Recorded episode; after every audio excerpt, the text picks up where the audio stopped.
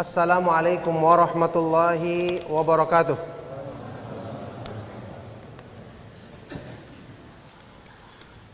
Innal hamdalillah nahmaduhu wa nasta'inuhu wa nastaghfiruh wa na'udzu billahi min shururi anfusina wa min sayyiati a'malina.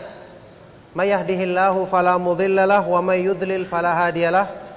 Wa asyhadu an la ilaha illallah wahdahu la syarikalah wa asyhadu anna Muhammadan abduhu wa rasuluh sallallahu alaihi wa ala alihi wa sahbihi wa man tabi'ahum bi ihsanin ila yaumiddin amma ba'du. Alhamdulillah Bapak-bapak, ibu-ibu, jamaah sekalian rahimakumullah. Kita bersyukur kepada Allah Subhanahu wa taala atas semua limpahan nikmat dan karunia-Nya. Alhamdulillah pada kesempatan di pagi hari atau siang hari yang berbahagia ini kita dipertemukan dengan seorang ulama kita yang akan memberikan ilmu yang bermanfaat insyaallah kepada kita semua utamanya dalam hal yang berhubungan dengan pemahaman yang benar sesuai dengan akidah Ahlussunnah wal Jamaah. Salah satu pemahaman yang merupakan prinsip dasar Ahlussunnah wal Jamaah tentang ketaatan kepada pemerintah menjalin hubungan yang baik antara masyarakat dengan penguasa yang nanti kita akan dengarkan penjelasan dari Fadilatul Syekh insyaallah. Sebelumnya saya akan memperkenalkan sedikit dengan penjelasan ringkas tentang Syekh Abdul Malik hafizahullah taala. Nama beliau adalah Syekh Abdul Malik bin Ahmad Ramadhani Nama yang tentu sudah tidak asing antum sering dengarkan meskipun mungkin kebanyakan dari kita baru bertemu dengan beliau saat ini. Beliau saat ini dan sejak beberapa tahun ini bernomisili di Madinah Nabawiyah. Lebih tepat lagi di belakang atau di samping Universitas Islam Madinah. Yang kemudian karena rumah beliau yang dekat sehingga ikhwan-ikhwan kita yang kuliah di sana sering mengunjungi beliau dan juga karena rumah beliau berdekatan dengan beberapa syekh yang lainnya. Kemudian Syekh Abdul Malik hafizahullah taala berguru dengan beberapa ulama besar di zaman ini termasuk di antaranya adalah Syekh Muhammad Nasiruddin Al-Albani rahimahullah taala. Kemudian ulama paling senior di Madinah saat ini yaitu Syekh Abdul Muhsin Al-Abbad Al-Badr hafizahullah taala, juga sebelumnya Syekh Muhammad bin Adam Al-Etyubi. Selanjutnya, kitab-kitab atau karya-karya tulis beliau yang di antaranya mungkin sudah banyak kita ketahui karena sudah diterjemahkan dalam bahasa Indonesia. Seperti di antaranya yang paling terkenal adalah kitab Madarikun Nazar fi Siyasati yang diterjemahkan dalam bahasa kita dengan pandangan tajam terhadap politik yang juga ini berisi penjelasan bagaimana cara memperbaiki keadaan masyarakat dan pemerintah berdasarkan pemahaman Islam yang benar.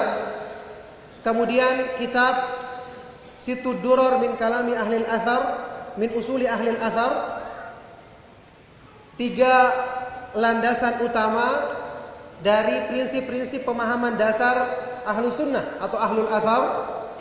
Kemudian kitab juga yang menjelaskan tentang bagaimana sikap yang benar terhadap pemerintah kaum muslimin yaitu kitab kama takunu yuwalla alaikum. Kemudian juga beberapa kitab yang menjelaskan faedah-faedah penting dari setiap surat dalam Al-Qur'an seperti kitab beliau min kulli suratin faedah dan beberapa kitab-kitab yang lainnya. Jadi karena beliau insya Allah adalah termasuk ulama ahlu sunnah yang kita kenal maka saya tidak perlu memperpanjang lebar lagi tentang biografi beliau. Yang jelas saat ini ya sampai saya sendiri meninggalkan Madinah yang saya ketahui kegiatan beliau sehari-hari adalah yang paling sering bermulazamah dan bermudzakarah dengan Syekh Abdul Musin Al-Abbad di setiap pagi atau di setiap waktu-waktu yang memungkinkan karena rumah mereka yang sangat yang sangat berdekatan. Maka semoga Allah Subhanahu wa taala menjaga Syekh dan menjaga para ulama kita menjaga pemerintah kita, para umarok kita dalam kebaikan dan menjadikan majlis yang kita adakan di pagi atau siang hari ini sebagai majelis untuk menasehati orang-orang yang telah baik agar menjadi semakin baik dan orang-orang yang mungkin ada kesalahpahaman dalam pemahamannya agar mendapatkan hidayah untuk bisa meniti jalan Allah Subhanahu wa taala yang lurus yang akan menyampaikan kepada kepada keridhaannya. Maka demikianlah semoga bermanfaat dan sekarang kita mempersilahkan kepada Syekh untuk menyampaikan kalimatnya semoga bermanfaat bagi kita semua. Falyatafaddal. Barakallahu fikum. Innal hamdalillah nahmaduhu wa nasta'inuhu wa nastaghfiruh ونعوذ بالله من شرور انفسنا ومن سيئات اعمالنا من يهده الله فلا مضل له ومن يضلل فلا هادي له وأشهد أن لا إله إلا الله وحده لا شريك له وأشهد أن محمدا عبده ورسوله. يا أيها الذين آمنوا اتقوا الله حق تقاته ولا تموتن إلا وأنتم مسلمون. يا أيها الناس اتقوا ربكم الذي خلقكم من نفس واحدة وخلق منها زوجها وبث منهما رجالا كثيرا ونساء واتقوا الله الذي تساءلون به والأرحام إن الله كان عليكم رقيبا. يا أيها الذين آمنوا اتقوا الله وقولوا قولا سديدا. يصلح لكم أعمالكم ويغفر لكم ذنوبكم. ومن يطع الله ورسوله فقد فاز فوزا عظيما. أما بعد فانني بادئ ببدء بعد أن شكرت الله عز وجل وحمدته وهو المتفضل بكل إنعام فإنني أتقدم بالشكر الجزيل إلى دولة إندونيسيا والشعب الأندونيسي جميعا الذين سهلوا لنا هذا اللقاء الذي نسأل الله تعالى بركته وذخره يوم الدين. والشكر موصول للاداره الموكول بها هذا الإذن ألا وهي وزارة الشؤون الدينية عندكم. كما أشكر صاحب الفضيلة الأستاذ زين الدين رئيس مجلس العلماء بمنطقة كرنجنيار وفقه الله لما يحب ويرضى. وأسأل الله عز وجل أن لا يحرم كل من تسبب في هذا اللقاء المبارك بالأجر العظيم.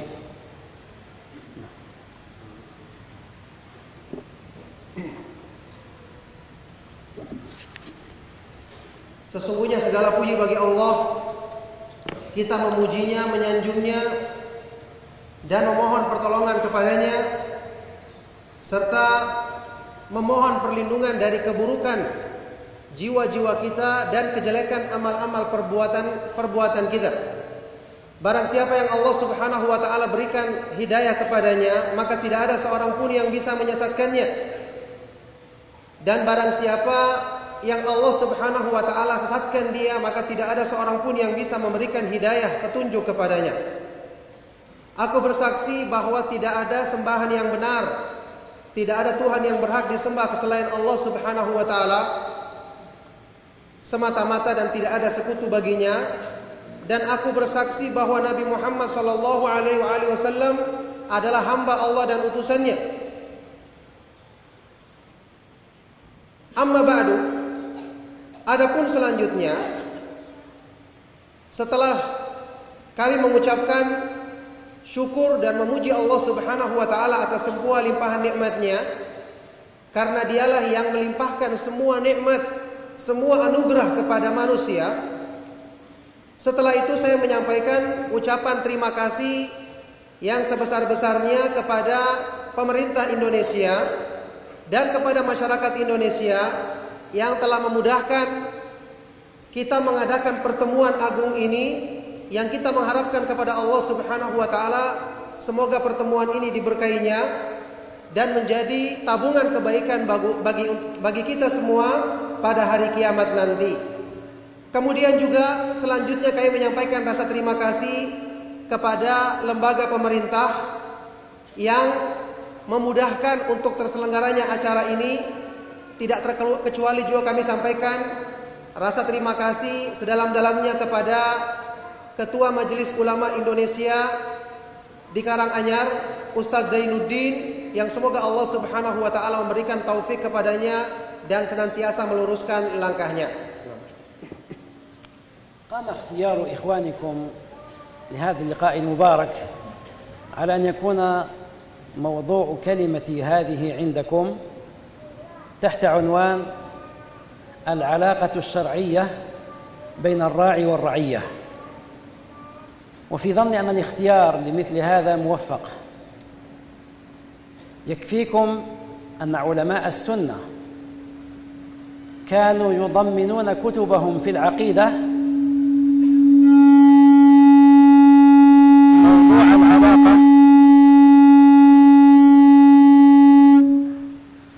كانوا يضمنون هذا الموضوع كتبهم في العقيدة والعقيدة كما لا يخفاكم هي أعظم ما في هذا الدين على إطلاق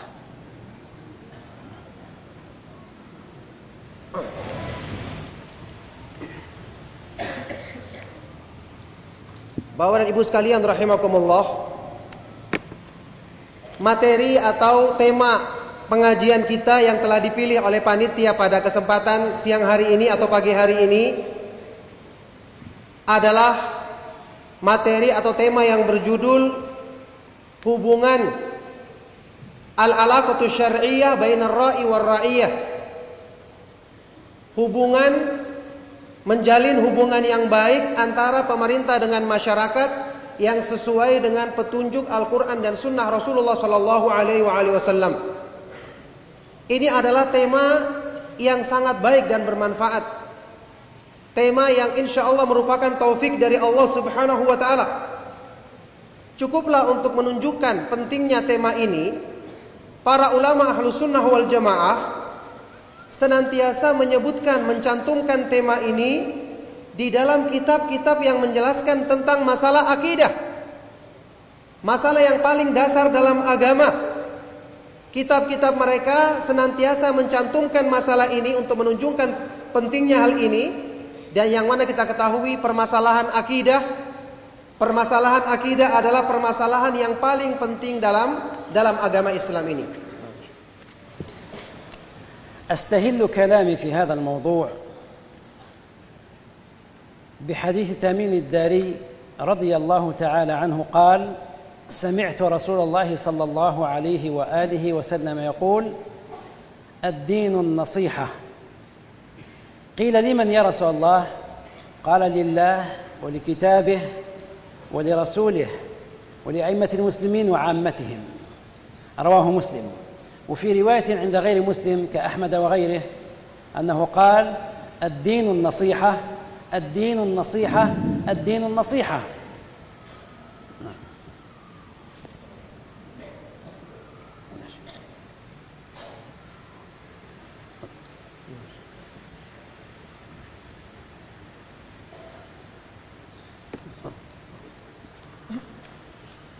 Saya akan memulai kalimat yang akan saya sampaikan pada kesempatan kali ini dengan menyampaikan sebuah hadis yang diriwayatkan oleh sahabat yang mulia Tamim Ad-Dari radhiyallahu taala anhu.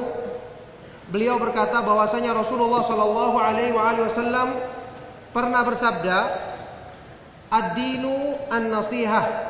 Agama itu adalah nasihat maka para sahabat radhiyallahu taala anhum ajma'in bertanya Kulna liman Nasihat untuk siapa? Bagi siapa wahai Rasulullah?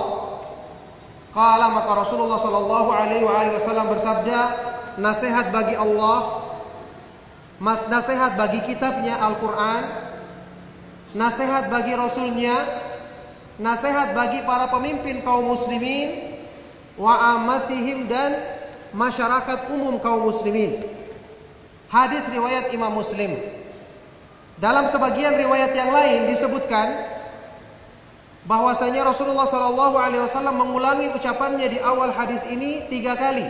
Ad-dinu an-nasihah, ad-dinu an-nasihah, ad-dinu an-nasihah. agama ini adalah nasihat, agama ini adalah nasihat dan agama ini adalah nasihat. والذي هو لصيق بموضوعنا هو قوله صلى الله عليه وسلم ولأئمة المسلمين. وأئمة المسلمين هم حكامهم ورؤساؤهم وخلفاؤهم وملوكهم. هؤلاء هم أئمة المسلمين. والشاهد هنا في نكتة لغوية وأصولية بديعة وهو أن النبي صلى الله عليه وسلم فرق بين النصيحة لأئمة المسلمين وبين النصيحة لعامة المسلمين بحرف الواو واو العطف الذي يفيد المغايرة كما يقول أهل العلم. أي عطف الشيء على الشيء يفيد المغايرة. هذا الذي عليه أهل العلم. عطف الشيء على الشيء يفيد المغايرة. فمعناه أن النصيحة لأئمة المسلمين خصت وتميزت بأشياء غير النصيحة لعامتهم كما سنراه بإذن الله تعالى Kemudian dari hadis di atas yang berhubungan langsung dengan kajian kita atau tema kajian kita pada siang hari ini adalah sabda Rasulullah sallallahu alaihi wasallam nasihat untuk al-aimmatil muslimin, para pemimpin kaum muslimin.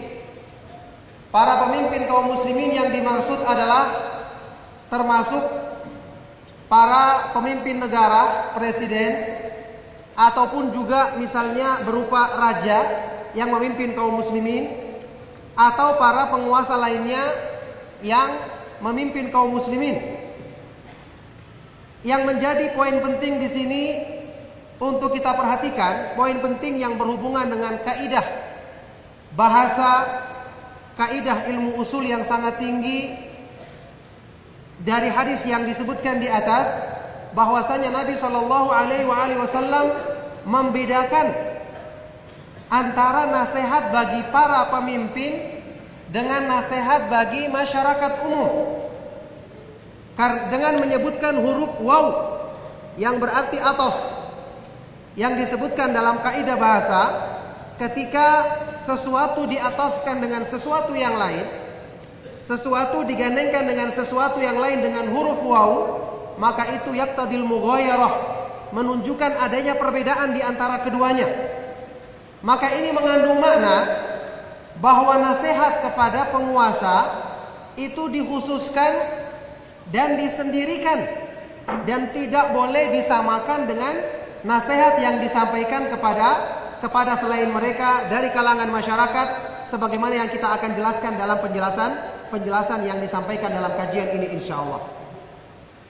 فإن قلت من هم أئمة المسلمين قيل لك روى البخاري في صحيحه قصة امرأة سألت أبا بكر الصديق رضي الله تعالى عنه ما الأئمة قال لها ألم يكن لكم في الجاهلية رؤساء يأمرونكم وينهونكم؟ قالت بلى. قال فأولئك هم. أي أئمة المسلمين هم الذين لهم القوة والشوكة والجيش بأيديهم وعامة الناس يعرفون أن فلان رئيس. هذا ما جاء في الأثر هذا واضحا وعليه العلماء قاطبة.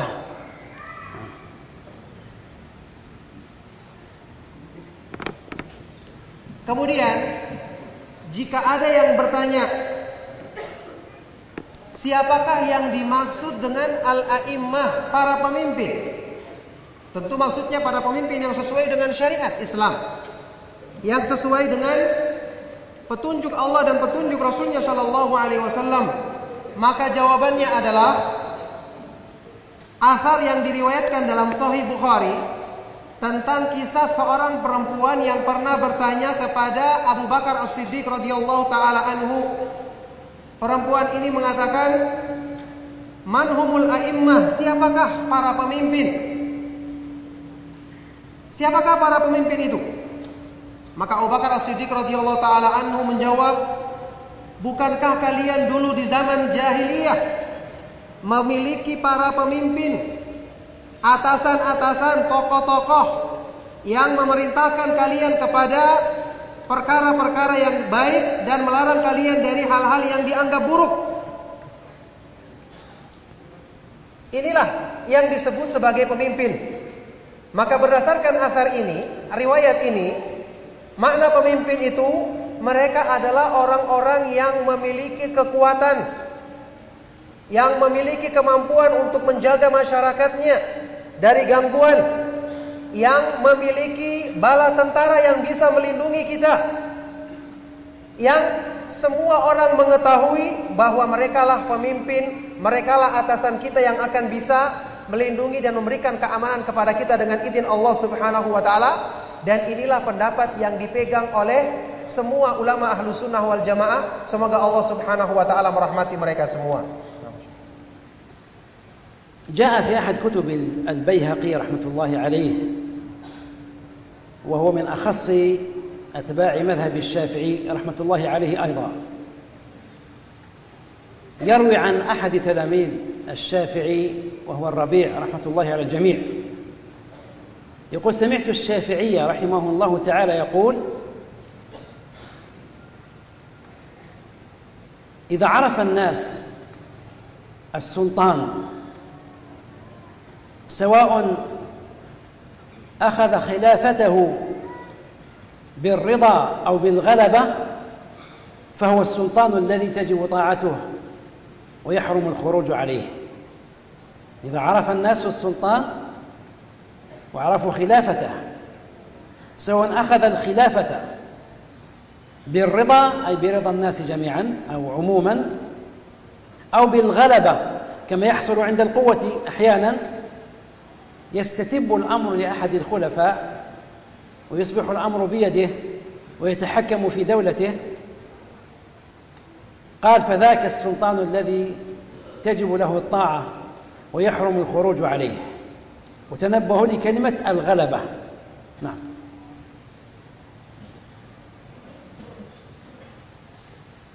Disebutkan dalam salah satu kitab yang ditulis oleh Imam Al-Baihaqi yang beliau ini Imam Al-Baihaqi adalah salah satu dari ulama pengikut madhab syafi'i yang sangat terkenal dengan pembelaannya terhadap madhab syafi'i dan memiliki ilmu yang sangat tinggi.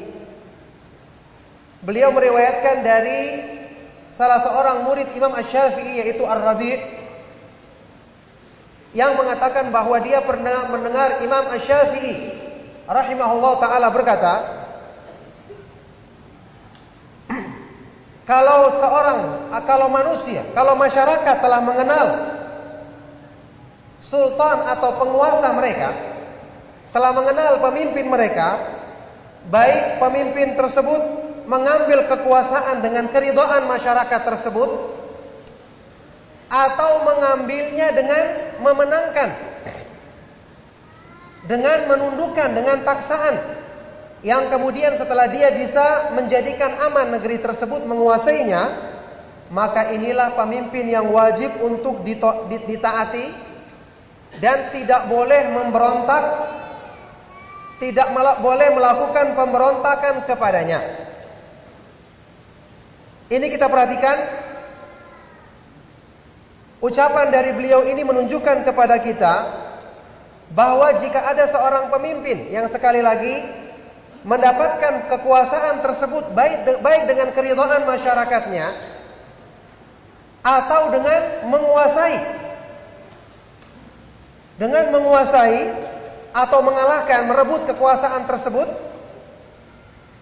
yang penting dia telah berhasil mengamankan menguasai seluruhnya dan menjadikan masyarakatnya aman di negeri tersebut maka inilah pemimpin yang wajib untuk ditaati berdasarkan syariat Islam dan diharamkan untuk memberontak untuk melakukan hal-hal yang menunjukkan ketidaktaatan kepadanya. Dan poin penting yang diperhatikan di sini adalah ucapan Imam Asy-Syafi'i au bil ghalabah ataupun dia mendapatkan kekuasaan tersebut dengan cara menguasai atau dengan cara memaksakan merebutnya maka tetap dia ditaati selama dia bisa memberikan keamanan dan bisa menguasai keadaan untuk menjadikan keamanan bagi bagi masyarakatnya.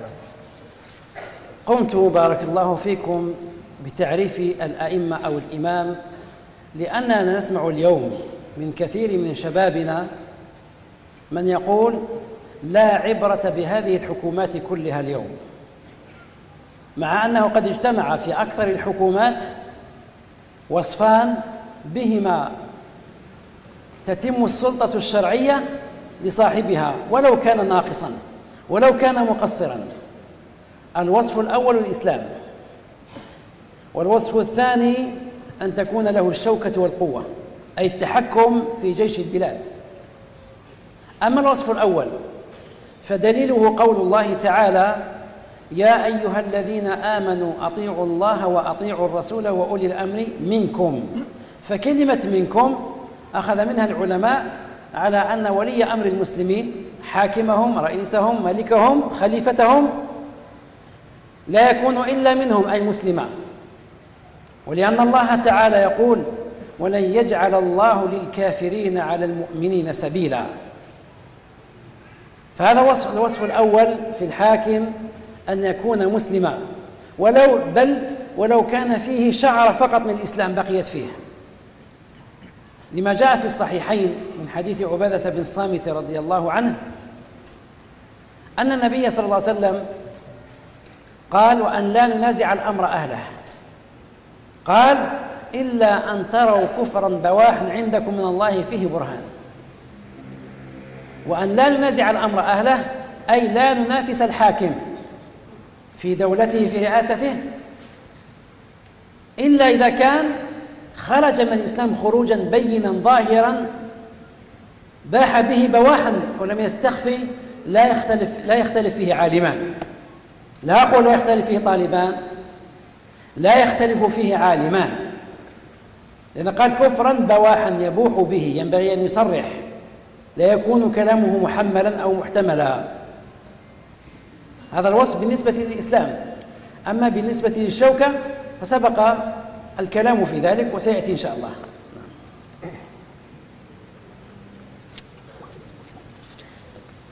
Saya sengaja menyampaikan definisi dari pemimpin yang dibenarkan dalam Islam ini karena saat ini akhir-akhir ini kita sering mendengarkan beberapa orang di antara mereka adalah para pemuda yang selalu yang selalu mengatakan bahwa penguasa pemerintah yang ada saat ini tidak perlu diperhatikan sama sekali.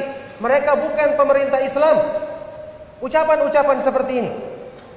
Padahal kita ketahui berdasarkan dalil-dalil dari Al-Quran dan Sunnah, ucapan para ulama ahlu sunnah yang kita ketahui sebagai para imam ahlu sunnah, bahwasanya para penguasa tersebut dengan segala kekurangan yang ada pada diri mereka adalah penguasa yang sesuai dengan syariat Islam karena terkumpul pada diri mereka dua sifat.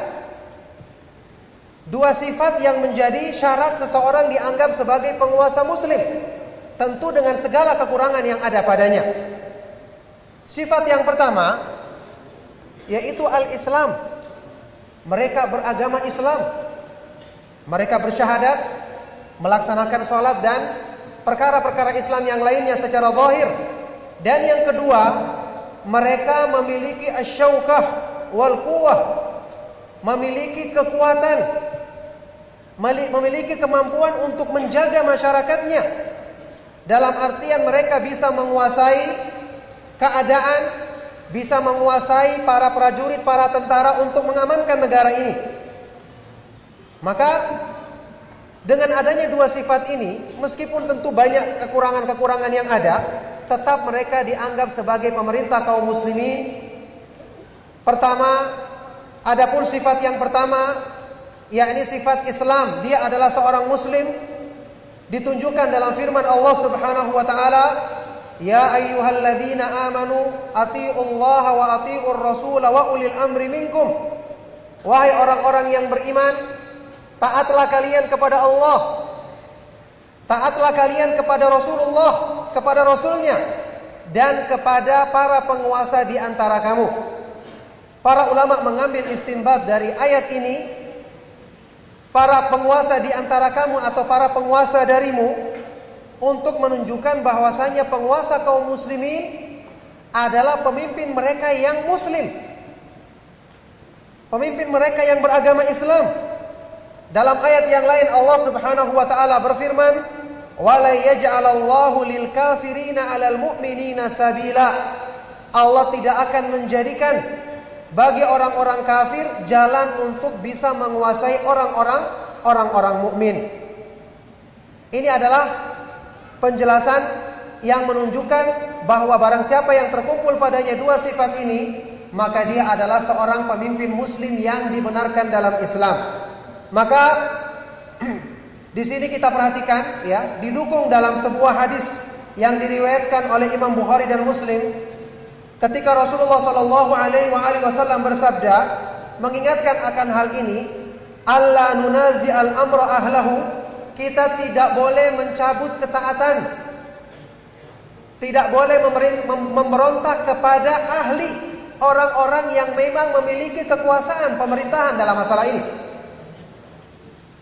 Illa antara kufron bawahan, kecuali kamu melihat kekafiran yang nyata yang terang, yang jelas. Tidak boleh hanya dengan menebak-nebak atau menduga-duga. Jadi tidak boleh kita memberontak kepada pemerintah kecuali kalau jelas-jelas dia melakukan sesuatu yang nyata yang membuat dia keluar dari Islam. Yang mana yang menilai hal ini bukan cuma orang-orang perorangan setiap orang menilai, tapi harus orang yang benar berilmu, Sampai-sampai dikatakan tidak berselisih dalam menghukumi hal ini dua orang yang berilmu. Yakni perkaranya jelas, perkaranya terang bahwa dia melakukan sebab yang membatalkan yang membatalkan keislamannya. Itu sifat yang pertama, adapun sifat yang kedua yaitu asyaukah wal quwwah, memiliki kekuatan dan kemampuan untuk menjaga masyarakatnya. Ini seperti yang dijelaskan tadi dari dari nukilan para ulama dan juga sahabat radhiyallahu taala anhu serta nanti akan dijelaskan lebih lanjut insyaallah dalam dalam ceramah kali ini. وأذكر إخواني الكرام في هذا المجلس الطيب بقصة رائعة رواها ابن سعد في كتابه الطبقات الكبرى وغيره بسند حسن دارت بين رجلين أحدهما هو عبد الله بن عمر بن الخطاب رضي الله عنهما وبين الخليفة الأموي مروان بن الحكم. كانت الخلافة عند مروان بن الحكم ولكنه تفكر يوما تفكيرا عجيبا يندر أن يوجد عند الخلفاء مثله. فأتى عبد الله بن عمر. قال أنت سيد العرب. وأنت أولى الناس بهذا الأمر. أنت أولى الناس بالخلافة. فأتنازل لك بالخلافة. وهذا أمر عجب. في تاريخ البشرية. أن يتنازل حاكم لغيره. أنت أولى الناس بهذا الأمر وأنا أتنازل لك به. فقال عبد الله بن عمر رضي الله عنهما كيف لي بأهل المشرق؟ الخلافة تتبعه القوة كما لا يخفاكم. أهل المشرق كانت الشوكة والقوة عندهم والجيش هناك أقوى ما يكون وعصبية الناس كانت معهم. فقال عبد الله بن عمر أنا إذا استلمت الحكم حركت نعرة أولئك وهم أقوياء الآن في البلاد. عند المسلمين. فقال والله لا أقبلها. أي الخلافة. ولو دانت لي سبعين سنة على أن يراق بسبب محجمة دم واحد. تأملوا. لا أقبل الخلافة ولو حكمت سبعين سنة كاملة في أمن ورخاء لكني توصلت إلى هذه الخلافة وتسببت في إراقة دم واحد لمسلم. هذا يدلكم على عظم شأن دم المسلم ويدلكم على تواضع الكبراء فيما بينهم ويدلكم على أن الصحابة رضي الله تعالى عنهم كانوا يراعون القوة ربطا لها بالخلافة.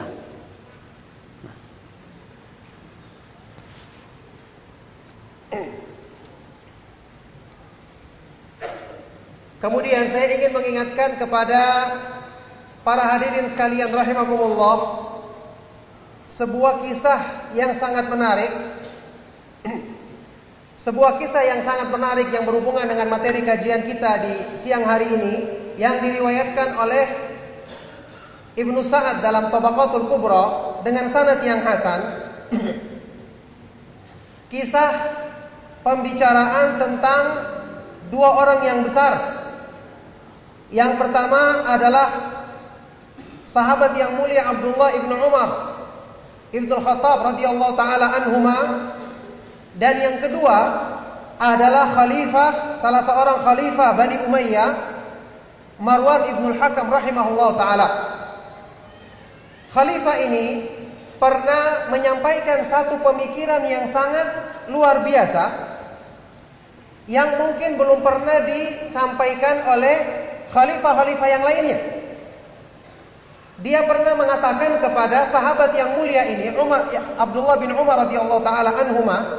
Jadi khalifah Marwan ibnu Hakam menyampaikan kepada Ibnu Umar, dia mengatakan anta sayyidul Arab. Engkau adalah pemimpinnya orang Arab. Dan kamu lebih pantas untuk menjadi khalifah dibandingkan saya. Coba perhatikan ini adalah satu pemikiran yang sangat luar biasa. Seorang khalifah menunjuk orang lain dan mengatakan dia lebih pantas untuk menjadi khalifah. Akan tetapi karena yang dihadapinya adalah sahabat yang mulia yang mengetahui pemahaman dan adab yang benar dalam masalah ini. Pada waktu itu Abdullah bin Umar radhiyallahu taala anhu menjawab, "Bagaimana saya bisa menghadapi penduduk yang ada di wilayah timur?" Ahlul masyrik. Karena khilafah itu bukan sekedar menjadi menunjuk akan tetapi bagaimana orang-orang yang ada di wilayah masyrik, di wilayah timur yang nanti mereka juga punya kekuatan, mereka juga punya asobiyah, punya fanatik terhadap golongan mereka sendiri yang nanti mereka menggunakan kekuatannya dan mereka tidak ridho dengan kekuasaanku. Coba kita perhatikan. Kemudian beliau ya Ibnu Umar radhiyallahu taala anhu selanjutnya mengatakan wallahi aku tidak akan menerima hal ini. Kalaupun kamu serahkan kepadaku aku tidak akan menerimanya. Meskipun nantinya aku akan berpuasa selama 70 tahun akan tetapi kemudian saya menjadi sebab tertumpahnya darah seorang muslim maka aku tidak menghendaki hal tersebut. Coba kita perhatikan ma'asyiral muslimin rahimakumullah. Betapa mulianya betapa tingginya sifat-sifat mulia dari orang-orang yang besar ini. Pertama, menunjukkan kehormatan darah seorang muslim. Tidak gampang untuk ditumpahkan, tidak gampang untuk dihalalkan. Juga menunjukkan tawadhu, sikap merendahkan diri. Para sahabat radhiyallahu taala anhum ajmain dan poin penting yang kita perhatikan, mereka mempertimbangkan masalah kekuasaan menjadi pemimpin dengan kekuatan. Kekuasaan untuk menundukkan dan memberikan keamanan kepada masyarakatnya. Yang ini merupakan perkara yang hendaknya kita perhatikan dari keterangan yang disampaikan dalam dalam riwayat ini.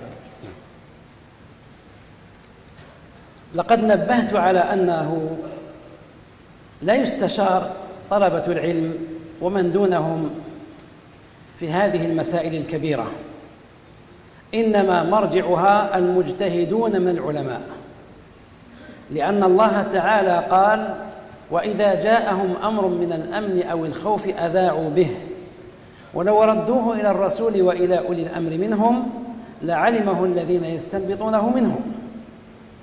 فأمر الله عز وجل عند أمور الأمن أو الخوف ولا سيما ما نحن في صدده كما لا يخفاكم مسائل الخلافة ومسائل الجهاد كلها مسائل أمن أو خوف.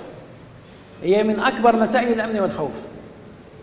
ربنا عز وجل يذم قوما يذيعون أخبار هذه الأشياء ويتسرعون فيها ويخوضون فيها. كما يفعل شبابنا اليوم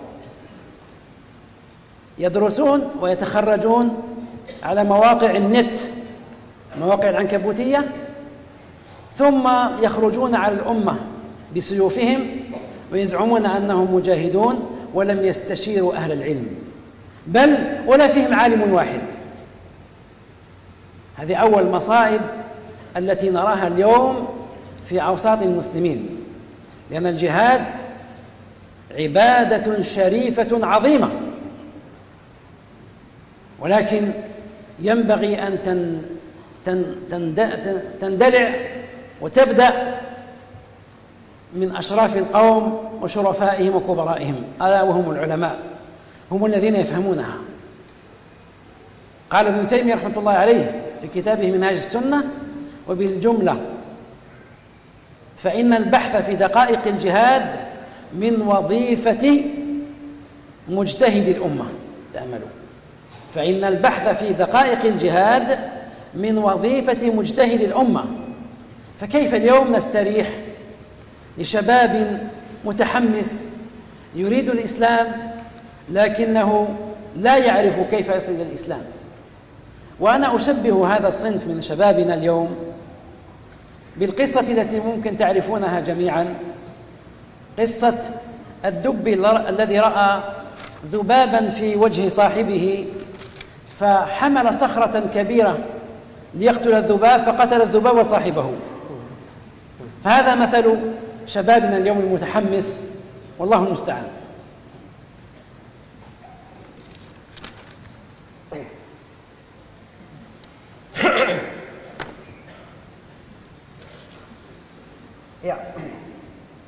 Kemudian, ma'asyiral muslimin rahimakumullah, dalam menentukan masalah-masalah besar seperti ini, masalah-masalah yang berhubungan dengan pemerintah kaum muslimin menetapkan keamanan, maka seharusnya yang diajak untuk bermusyawarah bukanlah para penuntut ilmu, apalagi orang-orang yang tidak pernah belajar agama sama sekali. Tetapi seharusnya yang diajak atau ditanya tentang masalah-masalah seperti ini adalah ahlinya, yaitu para ulama, para mujtahidun, orang-orang yang bersungguh-sungguh dalam ilmunya, orang-orang yang mencapai tingkatan tinggi dalam keilmuannya. Allah Subhanahu wa taala berfirman dalam Al-Qur'an, "Wa idza ja'ahum amrun minal amni awil khaufi adza'u bih." Walau radduhu ila rasuli wa ila ulil amri minhum la'alimahu alladhina yastambitunahu minhum. Dan ketika datang kepada mereka satu perkara yang berhubungan dengan keamanan atau ketakutan, mereka langsung menyebarluaskan perkara tersebut. Seandainya mereka mau mengembalikan hal tersebut kepada Rasulullah sallallahu alaihi wasallam, atau kepada orang-orang yang ahli di antara mereka. Maka mestinya kemudian nanti akan diketahui penyelesaian masalah tersebut dari orang-orang yang bisa menjelaskan dan mengambil pertimbangan hukumnya. Perhatikan dalam ayat ini Allah Subhanahu wa taala memerintahkan kepada kita kalau terjadi perkara-perkara yang besar apalagi yang berhubungan dengan menimbulkan keamanan, menimbulkan keguncangan, ketakutan, seperti masalah-masalah jihad, masalah-masalah yang berhubungan dengan pemerintah, masalah-masalah besar seperti ini, maka tidak boleh kemudian segera disebarkan hal tersebut kepada masyarakat umum yang tentu nanti akan salah pemahaman dan salah menyikapinya tetapi hendaknya disampaikan kepada orang-orang yang berilmu, yang berijtihad, yang memiliki pemahaman yang dalam dalam ilmu agama ini.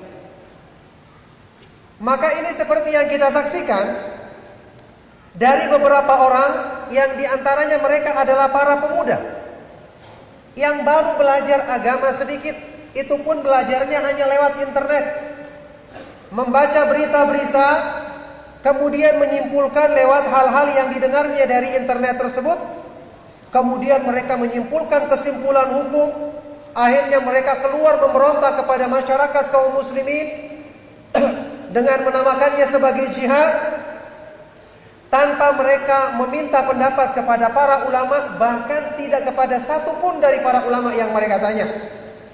Maka bisa dipastikan kerusakan yang akan mereka timbulkan naudzubillah min dzalik karena masalah jihad kaum muslimin rahimakumullah adalah ibadah yang sangat agung akan tetapi ibadah yang agung seperti ini tidak dilakukan dengan cara serampangan.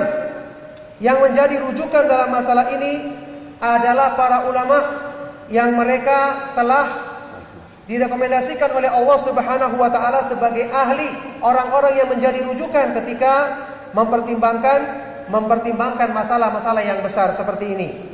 Oleh karena itu, Syekhul Islam Ibnu Taimiyah rahimahullah taala dalam kitab beliau Minhajus Sunnah mengatakan Wabil jumlah maka kesimpulannya kesimpulannya yang memandang kepada yang memutuskan atau menghukumi dalam masalah-masalah yang terperinci, yang masalah-masalah yang detail dalam jihad di jalan Allah Subhanahu wa taala, ini merupakan tugasnya para ulama mujtahidun, para ulama yang berijtihad, yang memiliki ilmu yang dalam untuk memutuskan perkara-perkara yang besar dalam umat ini sesuai dengan pemahaman ilmu agama yang Allah Subhanahu wa taala anugerahkan kepada mereka. Jadi tidak seperti perbuatan para pemuda yang bersemangat itu yang mereka mengatasnamakan untuk membela Islam tapi mereka tidak mengenal ilmu Islam yang benar yang diterangkan oleh para ulama besar kita. Nah. قد عرفنا الآن خطأين في الأوساط الشبابية المتحمسة. الخطأ الأول أنهم لا يعترفون بالحكومات الموجودة. زعما منهم أن هؤلاء طواغيت فكل حاكم عندهم اليوم طاغوت ولا يعرفون التفصيل في ذلك. والأمر الثاني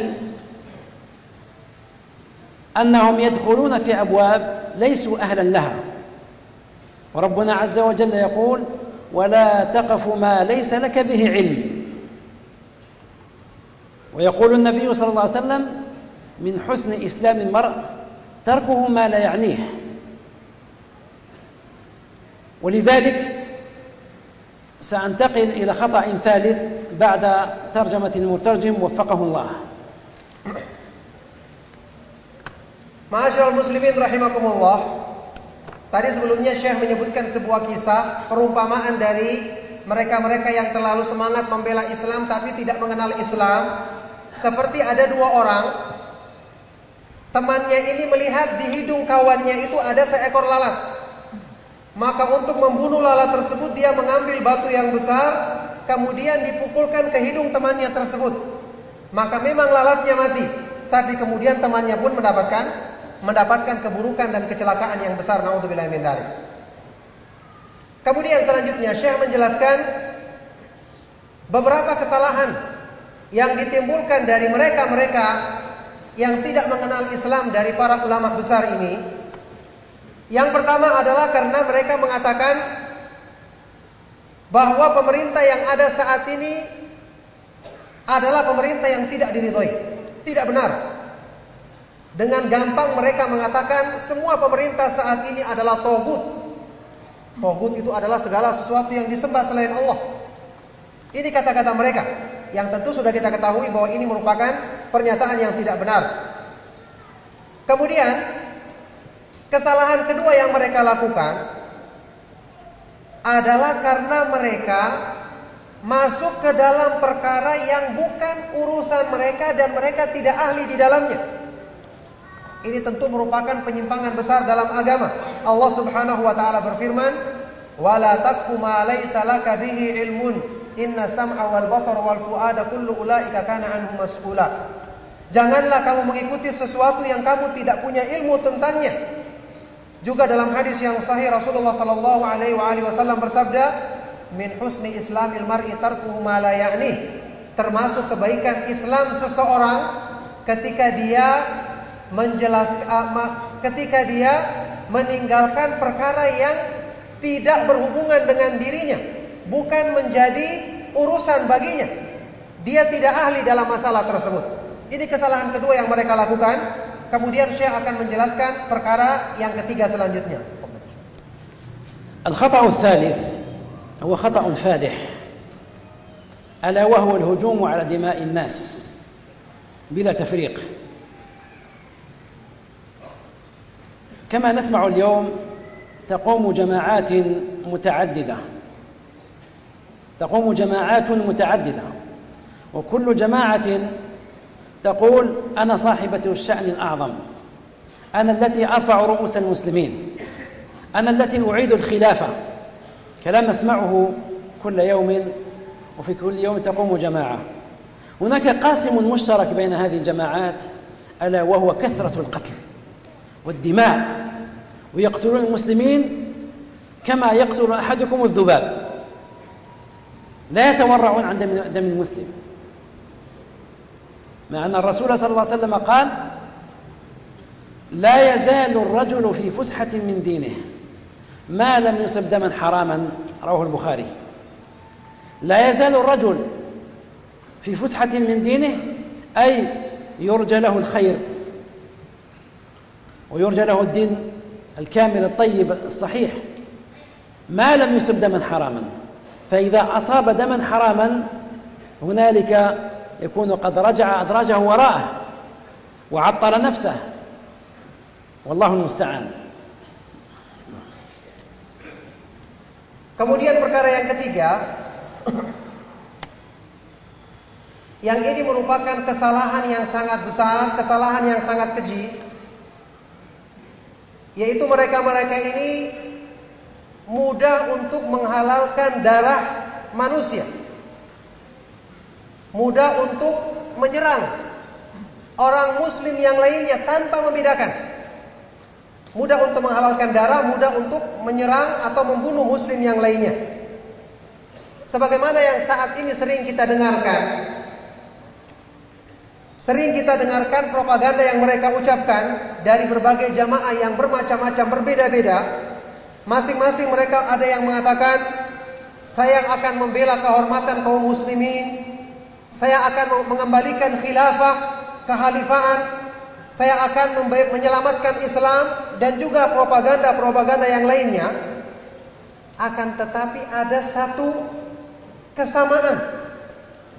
Ada satu kesepakatan yang sama pada penampilan mereka, yaitu banyak melakukan pembunuhan, mudah untuk menghalalkan darah kaum muslimin. Semua jamaah ini punya satu kesamaan ciri, yaitu banyak melakukan pembunuhan dan mudah untuk menghalalkan darah kaum muslimin. Yang mereka itu membunuh tanpa ragu-ragu. Seperti kita membunuh seekor lalat atau seekor nyamuk. Nauzubillah min dzalik. Padahal Rasulullah sallallahu alaihi wasallam dalam hadis yang sahih riwayat Imam Bukhari pernah bersabda, "La yazalu rajulu fi fushatin min dinihi ma lam yusib daman haraman." Senantiasa seorang manusia berada dalam kelapangan agamanya, berada dalam keleluasaan agamanya selama dia tidak menumpahkan darah yang haram. Apa artinya? Maksudnya senantiasa seseorang itu diharapkan kebaikannya. Diharapkan agamanya benar, agamanya sempurna selama dia tidak melakukan pelanggaran besar ini yaitu menumpahkan darah yang haram untuk ditumpahkan. Karena kalau dia sudah menumpahkan darah yang haram, maka akan dikhawatirkan agamanya akan berbalik, akan dikhawatirkan akan ditimpa pada dirinya berbagai macam keburukan-keburukan. Nauzubillah min dzalik. ناخذ قصه من سيره الرسول صلى الله عليه وسلم الصحيحه مما يدلكم على سياسته الرشيده لما تالبت الاحزاب ضده عليه الصلاه والسلام واجتمع الكفار بأصنافهم وعلى اختلافهم مع المنافقين ضد الرسول صلى الله عليه وسلم في غزوة الأحزاب. ثم نصر الله تعالى الرسول صلى الله عليه وسلم. كان هناك قبل قبل انتهاء المعركة قبائل العرب كلها المحيطة بالجزيرة التي لم تدخل بعد في الإسلام تقول ارقبوا هذا الرجل. فإذا انتصر على قومه فهو نبي ندخل في دينه. وإذا انهزم ومات تخلصنا منه وبقينا على بقينا على ديننا. فلما انتصر الرسول صلى الله عليه وسلم دخلوا في دين الله أفواجا. ولما كانوا جددا في الإسلام تأملوا سياسة النبي صلى الله عليه وسلم. لما كانوا جددا في الدخول في الإسلام قيل للرسول صلى الله عليه وسلم يا رسول الله ألا نقتل المنافقين الذين كانوا اجتمعوا ضدنا مع مع الكافرين؟ نبدأ الآن نقتلهم. الآن توسعت رقعة الإسلام وانتصر الإسلام والحمد لله. إذا نبدأ نصفي صفنا. فقال النبي صلى الله عليه وسلم لا لا يقول الناس إن محمدا يقتل أصحابه. تأملوا هذا جيدا كما جاء في صحيح البخاري. لا يقول الناس إن محمدا يقتل أصحابه بمعنى الناس جدد في الدين. فإذا رأوا الرسول صلى الله عليه وسلم الذي آمنوا به قريبا بدأ يقتل يقتل يقتل ويصفي جماعته. ماذا سيقولون؟ سيقولون سيصل إلينا ويصفينا أيضا ويقتلنا. فترك النبي صلى الله عليه وسلم مصلحة قتل المنافقين وهم أهل للقتل حقيقة لأنهم كانوا جواسيس الكفار ضد المسلمين مراعاة لمفسدة كبرى ألا وهي خروج الناس عن دين الإسلام. واليوم يقتلون الناس بالظن وبالشك وبعدم الانتماء إليهم. ومن هم؟ ما عندهم شيء. كل ما في الأمر أن الغرب يضحك عليهم ويستعملهم لضرب الإسلام. يقتلون الناس ولا يراعون أنهم ينفرون عن الإسلام. وأنهم يدفعون الناس عن قبول الإسلام. أي جماعة تقبل إسلاما ما فيه إلا الدم الأحمر؟ من يقبل هذا؟ الإسلام الذي قال فيه ربنا عز وجل وما أرسلناك إلا رحمة للعالمين. لا يمكن أبدا أن يكون هذا الذي نراه اليوم. هذا ثالث خطأ يقعون فيه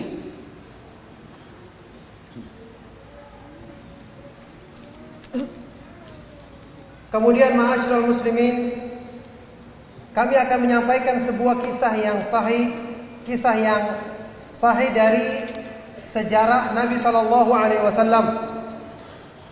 Yaitu kisah yang terjadi pada pada perang Ahzab. Ketika kelompok-kelompok yang memusuhi Islam dan kaum muslimin berkumpul untuk memusuhi Rasulullah Shallallahu alaihi wasallam dan para sahabat bahkan memerangi mereka di mana orang-orang kafir, orang-orang musyrik dalam berbagai golongannya bersatu dengan orang-orang munafik yang ada di sekitar Rasulullah Sallallahu Alaihi Wasallam untuk melawan beliau dalam perang Ahzab. Ketika itu disebutkan dalam kisah tersebut sebelum terjadinya atau sebelum selesainya peperangan tersebut, sebelum mulainya peperangan tersebut, beberapa kabilah-kabilah atau suku-suku di tanah Arab yang pada waktu itu mereka belum masuk Islam. Mereka mengatakan, "Mari kita perhatikan keadaan orang ini." Maksudnya Rasulullah wasallam. Kita lihat perjuangannya, peperangannya. Kalau dia menang, maka kita ikuti agamanya. Berarti dia punya kekuatan untuk melindungi. Tapi kalau dia kalah, kalau kemudian kemenangan bukan pada dirinya dalam perang tersebut, maka kita tetap memegang agama kita, tidak perlu mengikuti agamanya. Kemudian Allah Subhanahu wa taala jadikan kaum muslimin meraih kemenangan sehingga setelah itu orang-orang dari kabilah-kabilah Arab tersebut kemudian masuk dalam Islam berbondong-bondong. Masuk dalam Islam berbondong-bondong. Kemudian dalam kisah ini ada satu strategi yang sangat menarik, yang sangat lurus dari sunnah Rasulullah Sallallahu Alaihi Wasallam, karena mempertimbangkan mereka-mereka yang baru masuk Islam ini, Ada seorang sahabat yang berkata kepada Rasulullah sallallahu alaihi wasallam, "Wahai Rasulullah, kenapa kita tidak membunuh sekalian orang-orang munafik itu? Bukankah mereka sudah bekerja sama menjadi mata-mata untuk orang-orang kafir yang merugikan kaum muslimin?" Mereka melakukan berbagai macam keburukan-keburukan yang tentu merugikan kaum muslimin dan mereka pantas untuk dibunuh. Apa jawaban Nabi Shallallahu Alaihi Wasallam menanggapi usulan ini? Beliau bersabda, la tidak boleh. Kita tidak akan melakukan itu. La yakulun nas supaya orang-orang tidak mengatakan bahwa Nabi Muhammad Shallallahu Alaihi Wasallam membunuh orang-orang yang ada di sekitarnya membunuh orang-orang yang bersamanya. Mereka orang-orang yang baru. Kalau mereka menyaksikan ini dibunuh, dengar itu yang dibunuh, yang tentu mereka tidak tahu kesalahan tersebut, mereka akan menganggap, oh kalau begitu ternyata Nabi ini, Nabi Muhammad SAW ternyata tidak segan-segan untuk membunuh orang-orang di sekitarnya. Nanti dikhawatirkan juga akan sampai pembunuhan tersebut kepada kita semua. Maka perhatikan Rasulullah Shallallahu Alaihi Wasallam meninggalkan kemaslahatan membunuh orang munafik yang tentu keberadaan mereka merugikan kaum muslimin untuk mempertimbangkan untuk menghilangkan keburukan yang lebih besar yaitu menjadikan orang-orang benci kepada Islam yang nantinya kemudian orang-orang yang baru masuk Islam ini pun keluar meninggalkan Islam Coba bandingkan dengan keadaan mereka-mereka yang terlalu bersemangat tersebut. Orang-orang yang bersemangat tanpa ilmu tersebut saat ini. Mereka membunuh, menghalalkan darah manusia tanpa pertimbangan. Yang dengan ini membuat musuh-musuh Islam tertawa. Karena mereka sendiri yang akan menjadikan buruk citranya Islam. Menjadikan jelek kesan manusia terhadap Islam ini yang dengan kondisi seperti ini siapa yang akan menerima Islam? Kalau dalam kesan yang timbul di hati masyarakat dunia terhadap Islam bahwa Islam itu selalu identik dengan pembunuhan, pertumpahan darah, bom dan seterusnya, maka siapa yang akan menerima agama Islam ini? Padahal Allah Subhanahu wa taala berfirman mensifati petunjuk yang dibawa oleh Rasulullah sallallahu alaihi wasallam dalam Al-Qur'an Wa ma arsalnaka illa rahmatan lil alamin. Kami tidak mengutusmu wahai Rasulullah kecuali sebagai rahmat bagi bagi alam semesta ini yang ini tidak akan terwujud dengan perbuatan mereka-mereka yang menggampangkan melakukan perbuatan pembunuhan dan melakukan pertumpahan darah. Nauzubillahi min dzalik. إذا أعيد وأكرر هنا الآن ثلاثة أخطاء ينبغي الإنسان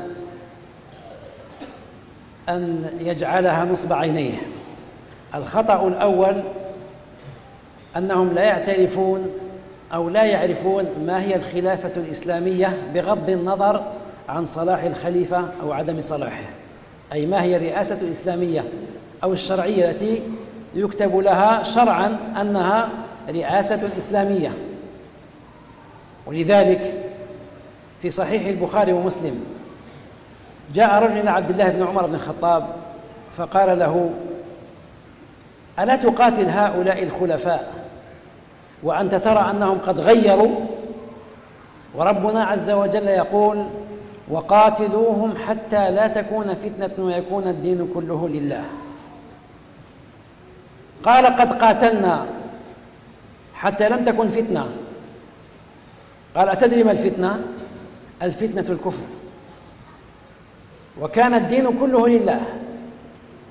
وإنما أنتم تريدون أن نقاتل حتى تعود الفتنة ويكون الدين لغير الله.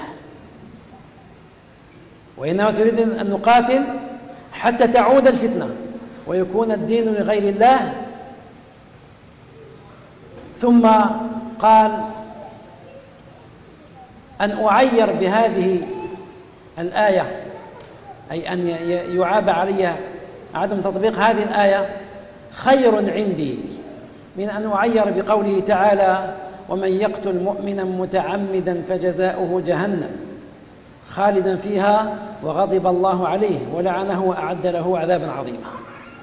أن أعير أن يسبني الناس أنني لم أطبق تلك الآية هذا أفضل عندي وأخف عندي من آتي يوم القيامة. يقول لربي قتلت مسلما بغير حق أرقت دمه بغير حق. وذكر الآية ومن يقتل مؤمنا متعمدا إلى آخر الآية.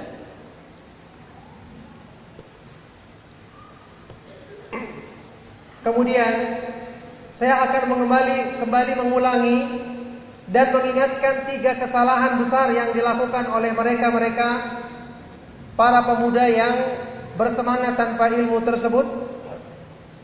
Kesalahan pertama yaitu mereka tidak mengetahui apa itu makna al-khilafah al-islamiyah. Pemerintah Islam, penguasa Islam yang dibenarkan dalam agama.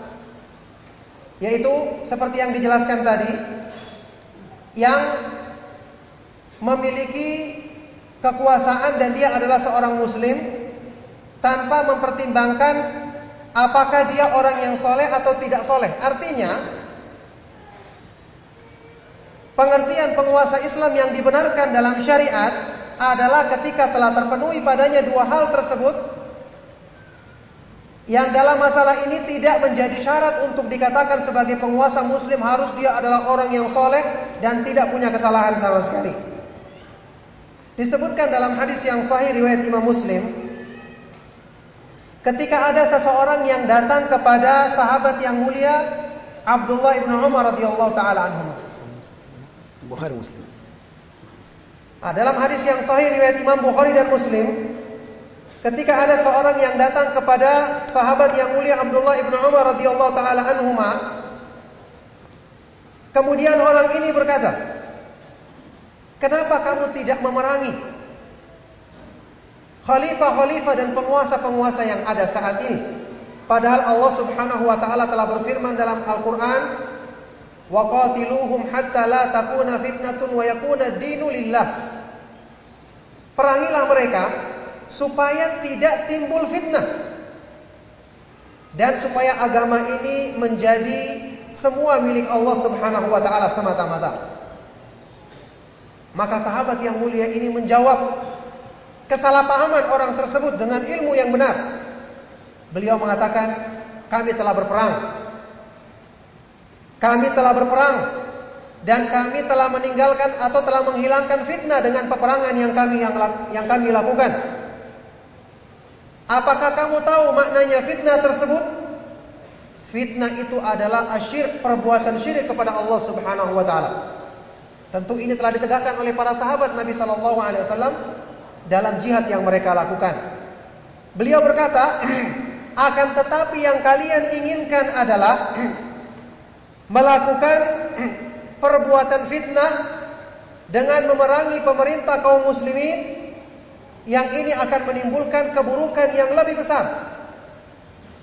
Kemudian beliau mengatakan, sungguh jika kalian mencelaku karena aku karena kalian menganggap aku tidak mengamalkan ayat tadi, maka ini lebih baik daripada aku meninggalkan celaan yang disebutkan oleh Allah Subhanahu wa taala dalam Al-Qur'an wa may yaqtul mu'mina muta'ammidan fajaza'uhu jahannamu khalidan fiha wa ghadiba Allahu alaihi wa la'anahu wa a'adda lahu 'adaban 'adaban alima Barang siapa yang membunuh seorang mukmin dengan sengaja maka balasannya adalah neraka jahanam yang dia kekal di dalamnya. Allah Subhanahu wa taala akan murka kepadanya melaknatnya dan menyiapkan untuknya adab yang sangat pedih. Maksudnya dia mengatakan, kalian mencelaku dengan ayat yang pertama tadi, itu lebih baik daripada ketika aku menghadap Allah Subhanahu wa taala membunuh seorang yang beriman, seorang muslim dengan sengaja, kemudian aku dihadapkan dengan ancaman yang terdapat dalam ayat ini, maka itu tentu lebih berat dan adabnya lebih keras di sisi Allah Subhanahu wa taala yang ini menjadi perhatian penting bagi bagi kita semua. جاء رجل إلى الحسن البصري رحمه الله تعالى يدعوه أن يشاركه في الخروج على سلطان زمانه وقد ذكر له أنه يفعل كذا وكذا وكذا من المنكرات. فقال له حسن البصري أتدري ما الإسلام؟ قال نعم. قال هو أن تشهد أن لا إله إلا الله وأن محمد رسول الله وتقيم الصلاة وتؤتي الزكاة وتصوم رمضان وتحج البيت إن استطعت إليه سبيلا. قال الحسن البصري إنك لتقتل من هذا دينه. إنك لتقتل من هذا دينه. أي أنتم تريدون أن تقاتلوا الخليفة ثم تقتلون معه الناس تريقون الدماء وهم على الإسلام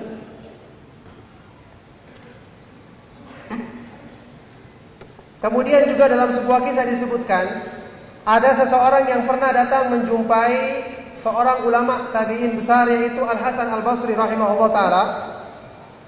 Orang ini mengajak ulama besar ini untuk menyertai mereka melakukan pemberontakan kepada penguasa atau pemerintah yang ada pada saat itu.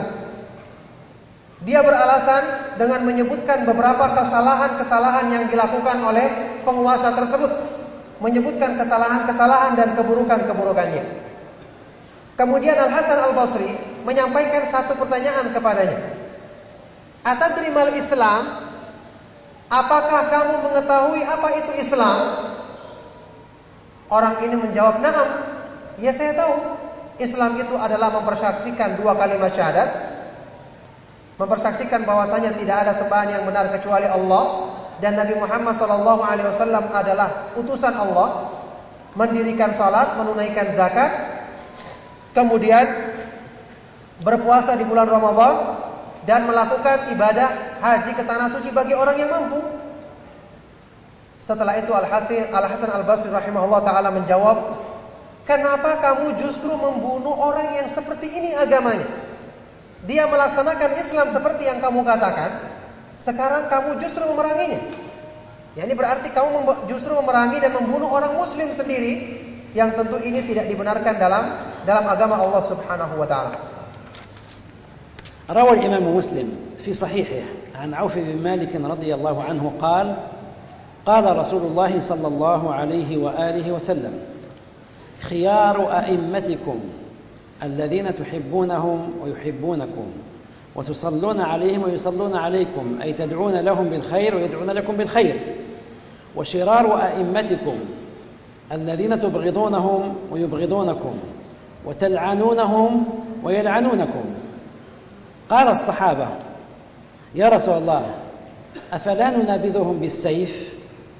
قال لا ما أقاموا الصلاة ألا من ولي عليه وال فرآه يأتي شيئا من معصية الله فليكره ما يأتي من معصية الله ولا ينزعن يدا من طاعة. قال لا ما أقاموا الصلاة وفي رواية لا ما صلوا ألا من ولي عليه وال فرآه يأتي شيئا من معصية الله فليكره ما يأتي من معصية الله ولا ينزعن يد من طاعة. هذا حديث صريح يا إخواني في أن الحاكم المسلم ولو كان ملعونا مبغضا من شعبه تأملوا. والشعب المسلم لا يلعن حاكمه ويبغضه إلا إذا كان منحرفا مقصرا لكن باق على إسلامه عرفتم كيف؟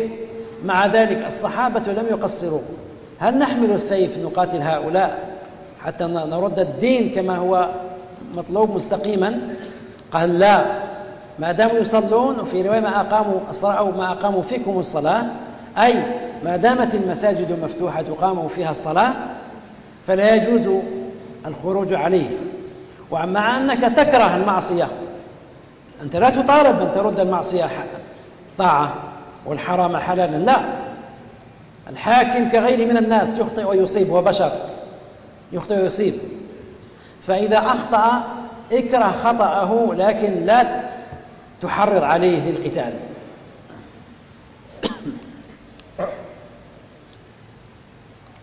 Dalam hadis yang sahih yang diriwayatkan oleh Imam Muslim dalam sahihnya dari sahabat yang mulia Auf bin Malik radhiyallahu taala anhu Rasulullah Shallallahu Alaihi Wasallam pernah bersabda, sebaik-baik pemimpin kalian sebaik-baik pemimpin kalian adalah yang kalian cintai dan mereka pun mencintaimu. Kalian selalu mendoakan kebaikan untuk mereka dan mereka pun mendoakan kebaikan untukmu. Sebaliknya, seburuk-buruk pemimpin kalian, seburuk-buruk pemimpinmu adalah mereka yang membencimu dan kalian pun membencinya. Kalian mendoakan keburukan atau melaknatnya dan mereka pun melaknat kalian. Ketika mendengar ini para sahabat radhiyallahu taala anhu bertanya, "Wahai Rasulullah, apakah tidak kita perangi saja pemimpin-pemimpin yang kita benci yang yang saling melaknat tersebut?" Rasulullah sallallahu alaihi wasallam menjawab, "La ma aqamu fikumus shalah." Tidak boleh selama mereka masih menegakkan salat di antara kamu. Dalam riwayat lain, La ma sallau. Tidak boleh selama mereka masih mengerjakan salat. Artinya, selama mereka masih mengizinkan dilaksanakan salat berjamaah, masjid-masjid masih dibuka. Apalagi sampai penyelenggaraan salat diatur oleh pemerintah. Kemudian Rasulullah Shallallahu Alaihi Wasallam bersabda, ketahuilah, barang siapa yang memiliki seorang pemimpin yang memimpinnya, kemudian dia melihat perbuatan maksiat yang dilakukan oleh pemimpin tersebut, maka hendaknya dia membenci perbuatan maksiat tersebut, tetapi tidak dia tidak boleh dia melepaskan dirinya dari ketaatan kepada pemimpin tersebut. Tidak boleh dia melakukan pemberontakan kepada pemimpin-pemimpin tersebut. Jadi kita perhatikan makna yang dikandung dalam hadis ini bahwasanya seorang pemimpin yang telah memenuhi syarat dalam Islam meskipun dia melakukan perbuatan yang buruk sampai dilaknat oleh masyarakatnya sampai dibenci oleh masyarakatnya. Tentu kalau dibenci dan dilaknat berarti dia melakukan perbuatan yang tercela. Di sini Rasulullah Shallallahu Alaihi Wasallam menyebutkan selama Islamnya masih ada masih tetap di atas Islam, masih menampakkan sholat secara terang-terangan, tidak melaksanakan, tidak melarang orang yang melaksanakan sholat, maka tetap kita wajib untuk mentaatinya dalam kebaikan, tidak boleh, tidak boleh untuk memberontak kepadanya. Makanya di sini tentu kita tetap membenci perbuatan maksiat tersebut. Dan seorang pemimpin sebagaimana manusia biasa yang lainnya bisa salah dan bisa benar. Maka kita wajib untuk membenci kesalahan mereka, menasehati mereka dengan cara yang baik, akan tetapi tidak boleh kita melakukan pemberontakan atau mencabut diri kita dari ketaatan dari ketaatan kepada penguasa tersebut. لعلكم لاحظتم في هذا الحديث العظيم أن الرسول صلى الله عليه وسلم علق جواز الخروج على الحاكم المبغض الملعون بكونه لا يصلي وحرم الخروج بكونه يصلي أو يأذن بالصلاة في دولته مع كونه يصلي لا شك. ولم يعلقه بكون هذا الإمام يحكم بما أنزل الله أو لا يحكم بما أنزل الله. مع أنني أننا والله العظيم نحث كل مسلم حاكما كان أو محكوما أن يحكم بما أنزل الله. وأن يخاف أن يلقى الله بغير ذلك. فإن الله تعالى قال وأن يحكم بينهم بما أنزل الله. وقال للنبي صلى الله عليه وسلم إنا أنزلنا إليك الكتاب بالحق لتحكم بما أراك الله ولا تكن للخائنين خصيما. فنحث كل مسلم أن يجتهد ليعمل بشريعة الله ظاهرا وباطنا. لكننا في هذا المقام نتكلم عن حكم شرعي ليس عن حكم عاطفي.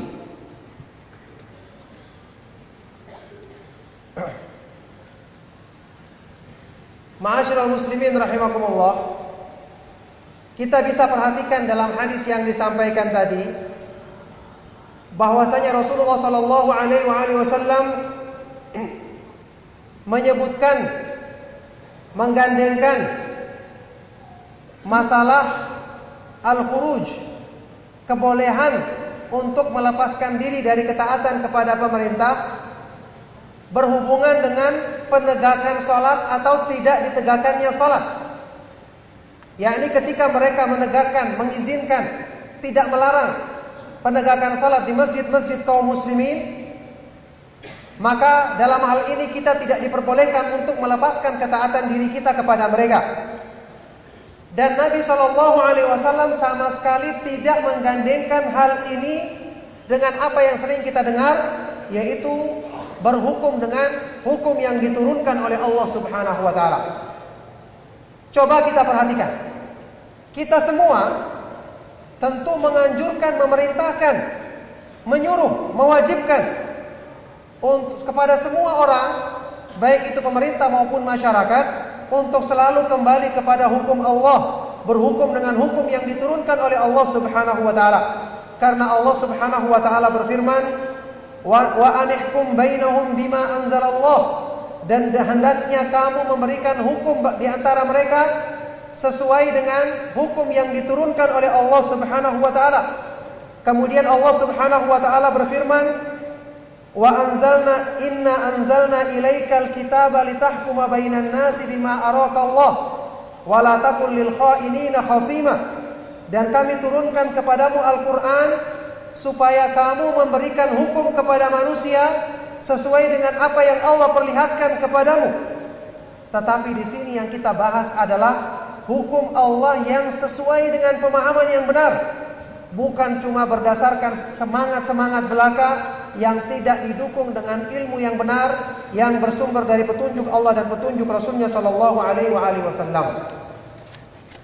Idan khulasatul ليس كل من نادى إلى الجهاد اتبع. ينبغي أن تفهموا هذا. قال ابن تيمية رحمه الله هناك جهاد سني وجهاد بدعي.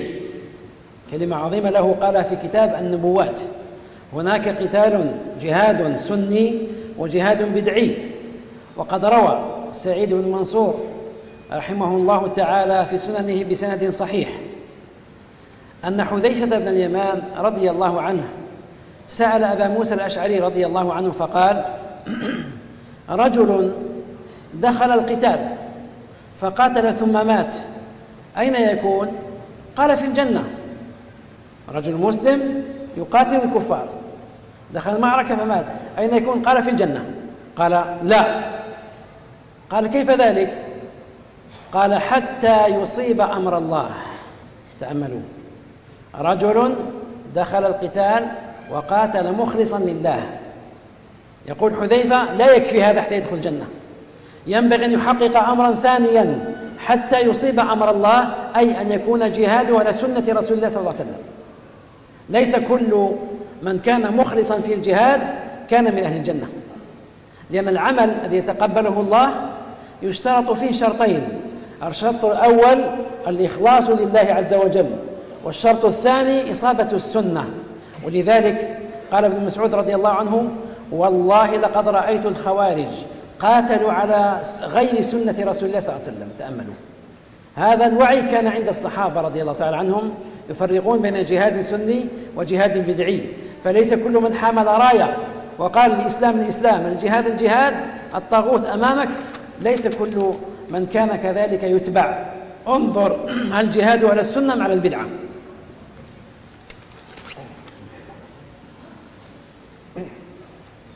Maka kesimpulan dari apa yang disampaikan sebelum tadi disampaikan dalam penjelasan tadi bahwa tidak semua orang yang menyeru kepada jihad Kemudian seruan tersebut diikuti.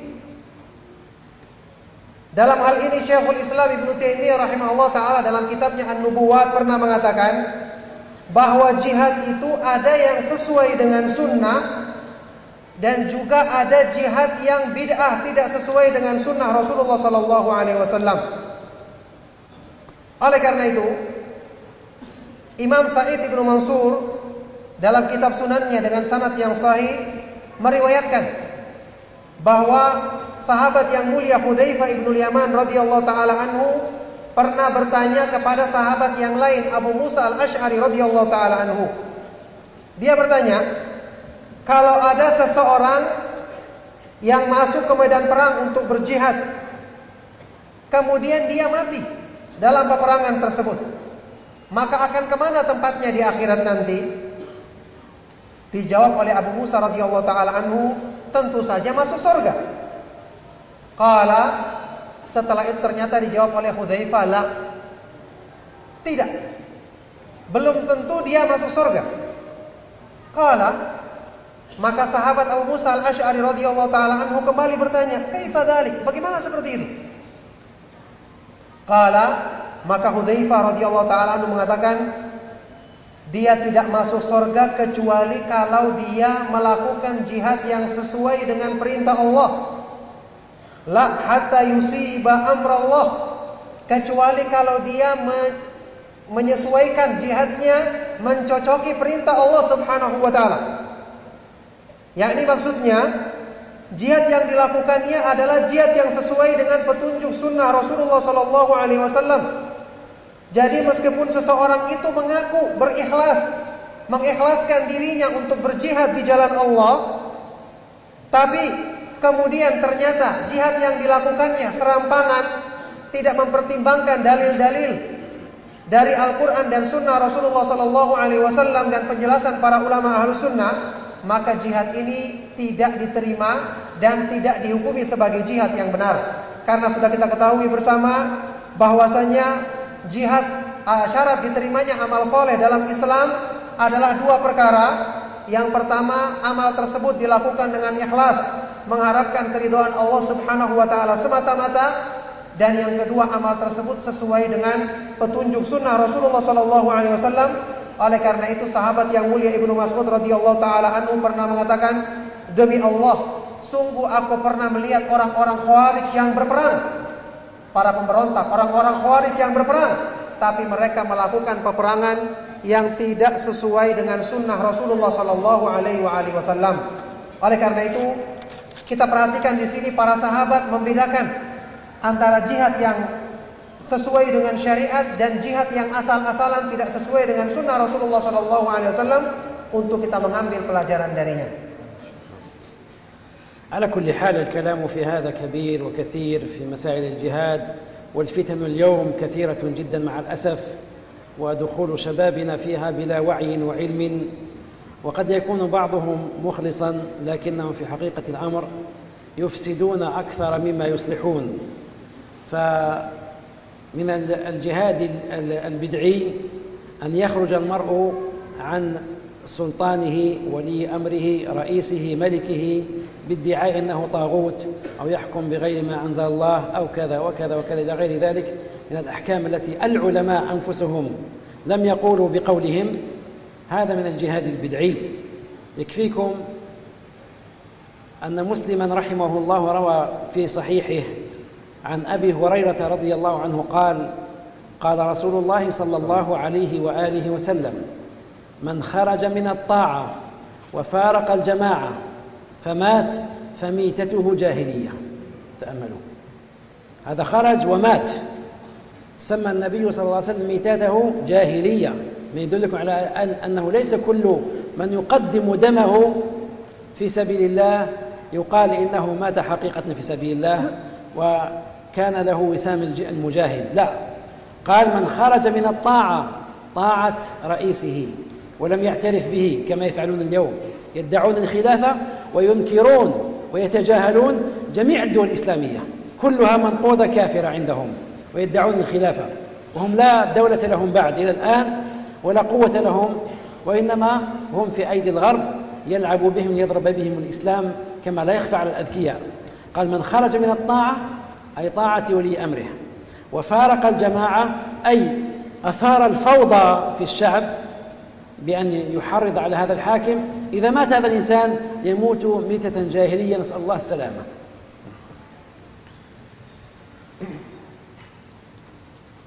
Ya, kesimpulannya pembahasan tentang masalah ini sangat panjang. Dan juga fitnah yang terjadi saat ini juga sangat banyak tersebar di mana-mana dan sungguh sangat disayangkan beberapa di antara para pemuda yang mereka itu masuk ke dalam fitnah ikut membahas atau membicarakan fitnah tersebut tanpa ilmu, tanpa bertanya kepada orang-orang yang berilmu sehingga menjadi sebab kerusakan yang mereka timbulkan tentu lebih banyak daripada keharapan daripada kebaikan yang yang mereka sangka.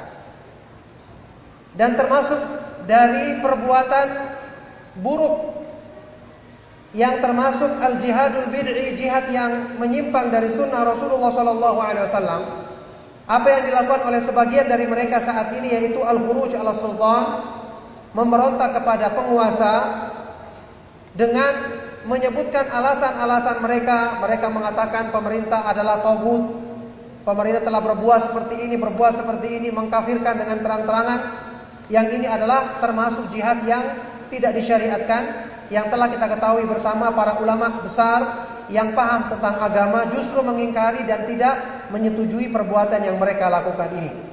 Cukuplah sebagai bukti akan hal ini hadis sahih riwayat Imam Muslim dari Abu Hurairah radhiyallahu taala anhu bahwasanya Rasulullah sallallahu alaihi wasallam bersabda Man kharaja ta'ah barang siapa yang melepaskan diri dari ketaatan kepada pemerintah dan memisahkan diri dari jamaah kaum muslimin kemudian dia mati maka matinya adalah mati jahiliyah. Matinya adalah mati jahiliyah. Artinya mereka-mereka yang melepaskan diri dari ketaatan memberontak kepada pemerintah tidak mengakui pemerintah saat ini seperti yang mereka katakan saat ini semua pemerintah yang ada di dunia adalah kafir sehingga mereka sendiri tidak punya pemerintah yang mereka akui, padahal mereka tidak punya kekuasaan. Mereka sendiri hidup di negara-negara tersebut. Maka sehingga dengan ini mereka justru menjadi alat bagi musuh-musuh Islam untuk menimbulkan kerusakan di dalam tubuh kaum muslimin sendiri. Rasulullah Shallallahu Alaihi Wasallam menyebutkan orang yang melakukan perbuatan seperti ini melepaskan diri dari ketaatan, memisahkan diri dari jamaah kaum muslimin, kalau dia mati di atas keyakinan tersebut maka dia mati di atas mati dengan cara jahiliyah naudzubillah min dzalik. على كل حال أنا قد أخذت من وقتكم الكثير وقد حان الوقت في ظني وتكلمت عن شطر واحد من النصيحة للحاكم لأن العلماء كالإمام الخطابي والنووي وهما من كبار علماء الشافعية لما شرح كلمة النصيحة لأئمة المسلمين ذكروا هذا الذي ذكرته لكم وهو أن لا يخرج عليهم وأن لا يحب أن يخرج عليهم ولا يحرض الناس ضدهم بل يحب أن يجتمع الشعب عليهم ولو كانوا ظالمين في أنفسهم. وذلك حقنا لدماء المسلمين. حفظا للجماعة من أن يريق يراق الدم فيها بغير حق هكذا كما هو شأن الفتنة كما تعلمون. هذا شطر فسروه الشطر الثاني مما فسروا به هو كيف تنصح للحاكم الراعي الرئيس. وهذا سآخذه بعد قليل بكلمة مختصرة جدا. والله يوفقني وإياكم ما يحب ويرضى.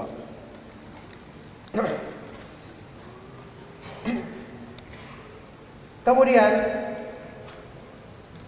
di sini penjelasan ringkas yang disampaikan oleh Syekh mengingat terbatasnya waktu adalah penjelasan tentang makna hadis yang disebutkan di awal ceramah ini bagaimana menasehati pemimpin kaum muslimin. Disebutkan oleh beberapa ulama, di antaranya adalah Imam An-Nawawi dan Al-Khattabi, yang keduanya termasuk ulama besar, ulama besar dari madhab Syafi'i mereka menjelaskan tentang makna nasihat bagi pemimpin atau penguasa kaum muslimin seperti yang kami jelaskan tadi. Yaitu tidak boleh memberontak kepada mereka, tidak boleh melawan atau mencabut ketaatan dari mereka dan senantiasa menganjurkan kaum muslimin untuk selalu bersatu di bawah kekuasaan mereka meskipun mereka melakukan perbuatan-perbuatan yang buruk, perbuatan-perbuatan salah dan maksiat ini semua dalam rangka menjaga agar tidak tertumpah darah kaum muslimin, tidak terjadi pembunuhan, tidak terjadi kekacauan yang tentu akibat buruknya akan kembali kepada kepada kita sendiri. Kemudian juga dalam penjelasan ini saya akan menambahkan penjelasan ringkas tentang bagaimana lebih rincinya untuk menyampaikan ya seorang masyarakat, seorang rakyat menyampaikan nasihat kepada penguasa dalam penjelasan yang beliau akan sampaikan ini.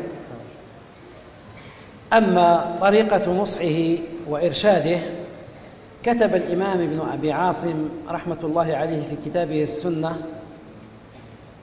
فبوب قائلا باب كيف كيف نصيحة الرعية للراعي باب كيف نصيحة الرعية للراعي ثم أسند بالإسناد الذي صححه الشيخ الألباني رحمه الله وغيره أن أحد الولاة المسؤولين وهو عياض بن غنم كان صحابيا رضي الله تعالى عنه عياض بن غنم. عاقب رجل عقوبة في ظن من حضرها أنه كان لا يستحقها. فقام إليه رجل يدعى هشاما فقال له أما سمعت رسول الله صلى الله عليه وسلم يقول أشد الناس عذابا يوم القيامة. أشدهم عذابا للناس في الدنيا. ينكر عليه. يقول عاقبت هذا وعذبته عذابا. ما يستحق هذا العذاب كله. يقول النبي صلى الله عليه وسلم أشد الناس عذابا يوم القيامة. أشدهم عذابا للناس في الدنيا. فقال عياض وأنت أما سمعت رسول الله صلى الله عليه وسلم يقول من أراد أن ينصح لذي سلطان فلا يبدي له علانية ولكن يأخذ بيده في خلوة ولينصح له فإن قبل منه فذاك وإلا كان قد أدى الذي عليه. قال صدقت. تأملوا. لما رآه نصحه أمام الناس والحكام المسؤولين يا إخواني لا ينصحون أمام الناس. أنت إذا نصحك ناصح أمام الناس أخذك الكبر. وغضبت. فكيف بحاكم من عادته أن يأمر ولا يؤمر؟ فلا بد من إنزال الناس منازلهم من أراد أن ينصح لذي سلطان كلام النبي صلى الله عليه وسلم واضح. لا يجوز لأحد أن يخالفه أو أن يتفلسف حوله. من أراد أن ينصح لذي سلطان فلا يبدي له علانية ما يصلح على المنبر. يا حاكم يا وزير يا كذا هذا ما يصلح. خلاف كلام النبي صلى الله عليه وسلم. لكن خذ بيده في خلوة في ستر بينك وبينه فقط. كما قال سعيد بن جبير لعبد الله بن عباس آتي السلطان فأنصح له. قال إذا كان ولا بد ففيما بينك وبينه. قال آتي السلطان فأنصح له. قال إذا كان ولا بد ففيما بينك وبينه. هكذا كان الصحابة رضي الله تعالى عنهم يفعلون والحمد لله رب العالمين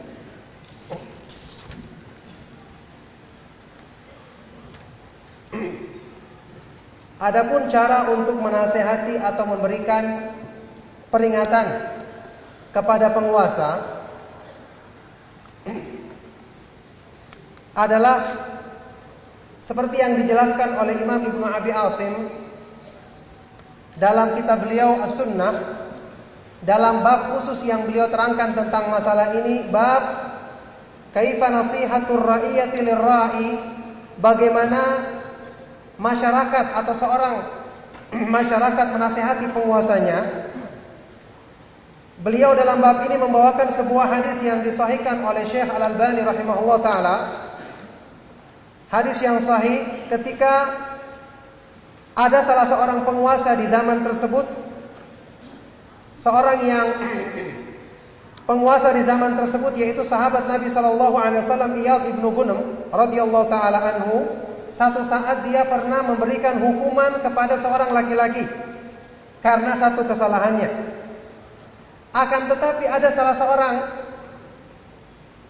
laki-laki yang lain yang tidak setuju dengan hukuman tersebut.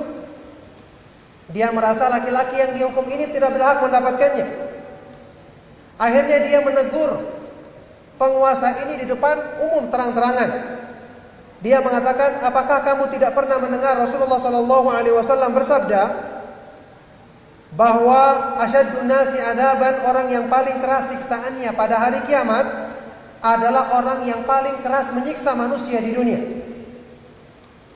Mendengar ini, sahabat Iyad ibnu Gunum, ibnu kemudian mengatakan kepadanya, kamu sendiri apakah kamu tidak pernah mendengar Rasulullah Shallallahu alaihi wasallam bersabda, barang siapa yang ingin menasihati seorang penguasa, maka janganlah dia menyampaikannya terang-terangan di depan umum, tapi hendaknya dia mengambil tangannya, membawanya di tempat tersendiri, setelah itu dia menyampaikan nasihat tersebut.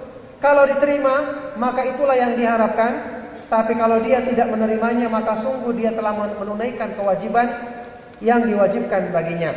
Maka orang ini pun mengatakan, sodakta, benar apa yang kamu ucapkan. Kita perhatikan, tentu saja sahabat ini mengingkari ucapan orang tersebut karena dia menyampaikan nasihat terang-terangan di depan umum. Yang secara tabiatnya manusia akan sulit menerimanya. Kita sendiri masing-masing dari kita. Seandainya kita ditegur di depan umum, dinasehati, dibuat kita merasa dipermalukan di depan umum, kita akan tersinggung dan tidak akan menerima nasihat tersebut.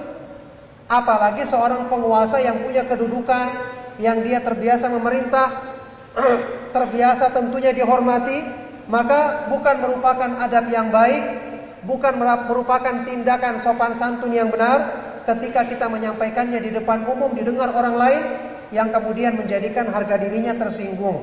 Maka di sini hendaknya kita menempatkan masing-masing manusia sesuai dengan kedudukan dan keadaan mereka masing-masing.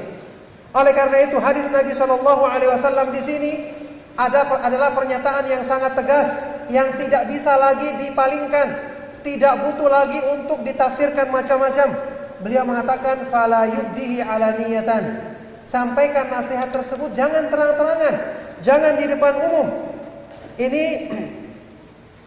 Perbuatan menyampaikan terang-terangan di depan umum bukanlah merupakan nasihat yang baik, bukanlah cara untuk menegur dengan cara yang baik, karena ini tentu akan menimbulkan keburukan-keburukan yang lebih besar.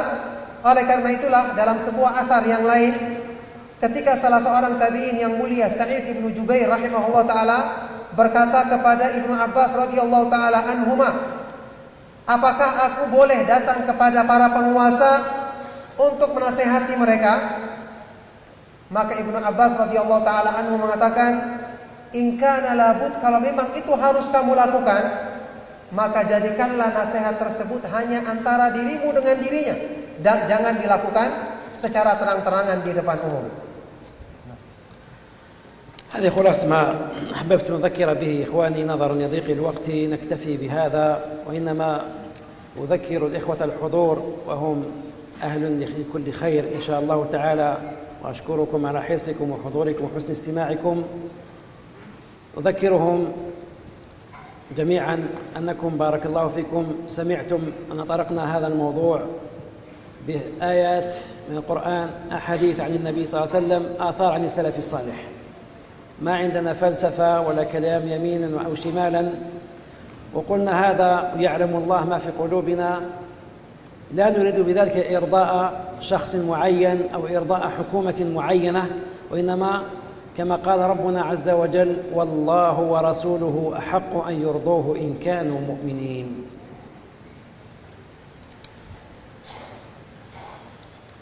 Inilah ringkasan atau kesimpulan dari apa yang bisa kami sampaikan.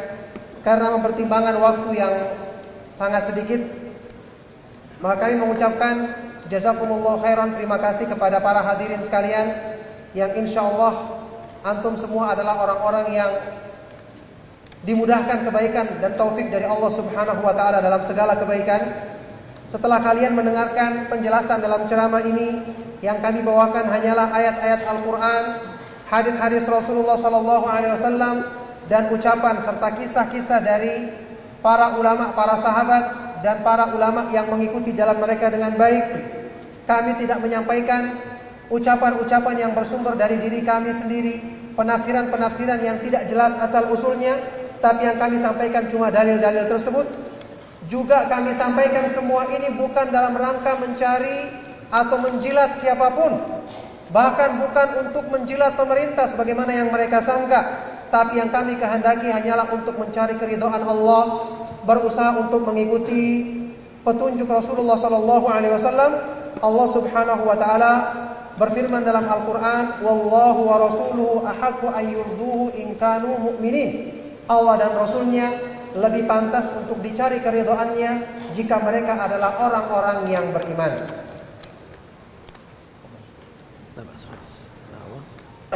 Ya, maka sampai di sini apa yang disampaikan oleh Syekh dari ceramah yang semoga bermanfaat bagi kita semua. Sekarang di sisa waktu yang ada kita akan membaca beberapa pertanyaan yang akan dijawab oleh oleh beliau.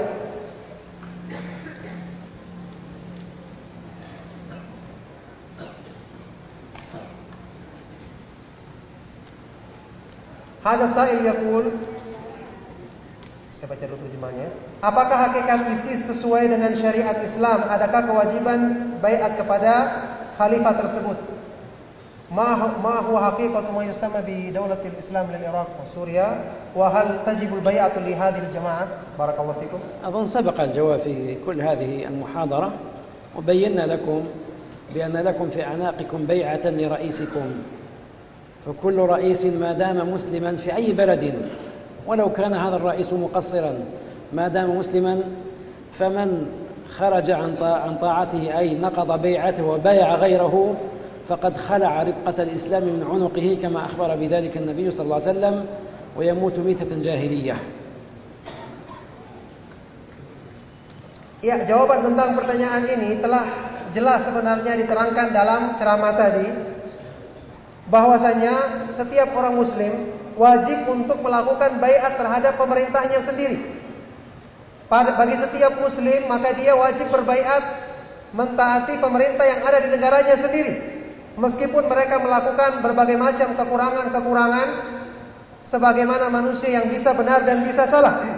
Jadi selama itu adalah pemerintah muslim yang memiliki kekuatan dan kekuasaan untuk menjaga keamanan bagi masyarakatnya, maka wajib untuk kita taati sebagaimana yang dijelaskan tadi karena disebutkan dalam hadis-hadis yang sahih orang yang melepaskan ketaatan dari mereka maka disebutkan dalam sebagian hadis yang sahih faqad khala arifqatal islam min unuqi.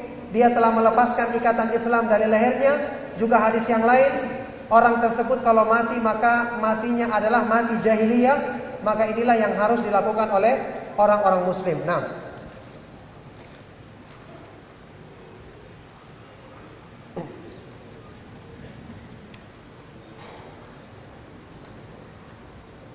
Pertanyaan berikutnya, wahai Syekh, nasihati kami umat Islam di Indonesia dalam menghadapi sistem demokrasi yang berulang kali dari tahun 1945 dan seterusnya.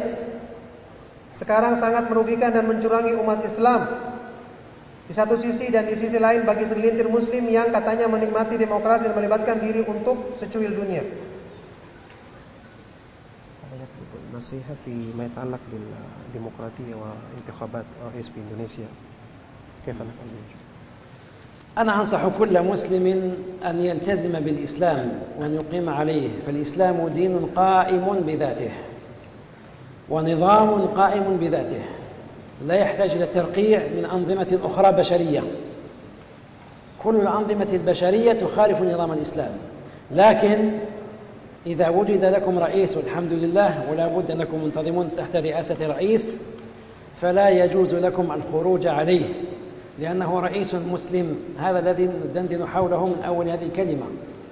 كل من استلم الحكم سواء كان بطريق شرعي أو بطريق غربي إذا استتب له الأمر يجب عليكم أن تعتقدوا أن بيعته تحت أعناقكم كذا قال الإمام النووي والقاضي عياض رحمهما الله أنه لا يمكن أن يبايع كل فرد وإنما أنتم داخلون تحت بيعة من بايعه من وجهاء بلادكم Barakallahu fikum.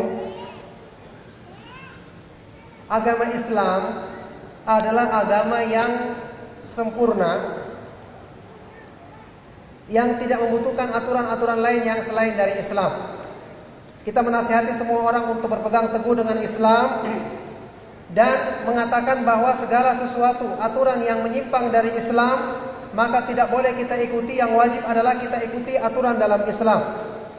Akan tetapi sebagaimana yang dijelaskan dalam ceramah Syekh, jika seorang muslim hidup di satu negara yang pemimpinnya adalah seorang muslim yang memiliki kekuatan dan benar-benar secara syar'i telah sah menjadi sebagai penguasa muslim. penguasa dan pemerintah di negeri tersebut, maka hendaknya dia mentaatinya dan tidak boleh melepaskan diri dari ketaatan kepadanya. Ketika dia misalnya menerapkan satu aturan yang bertentangan dengan Islam, baik itu diambil dari barat ataupun timur, tentu peraturan tersebut kita ingkari dengan cara yang baik, tetapi tidak boleh kita melepaskan ketaatan dari mereka.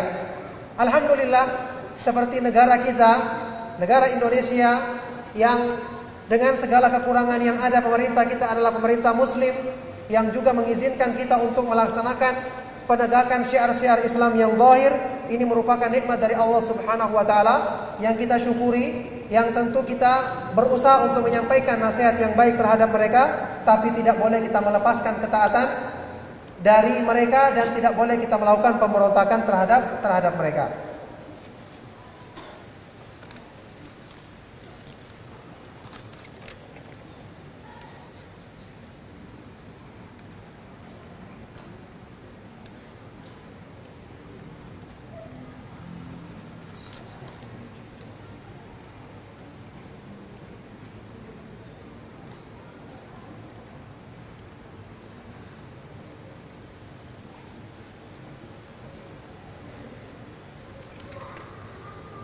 كل سؤال مضى في الكلمة لا داعي إليه نعم. وأخبرهم كل سؤال مضى في الكلمة فلا داعي إليه Ya, ini pertanyaan-pertanyaan yang tadi dirasa sudah dijawab dalam penjelasan ceramah Syekh, maka tidak perlu kami bacakan lagi.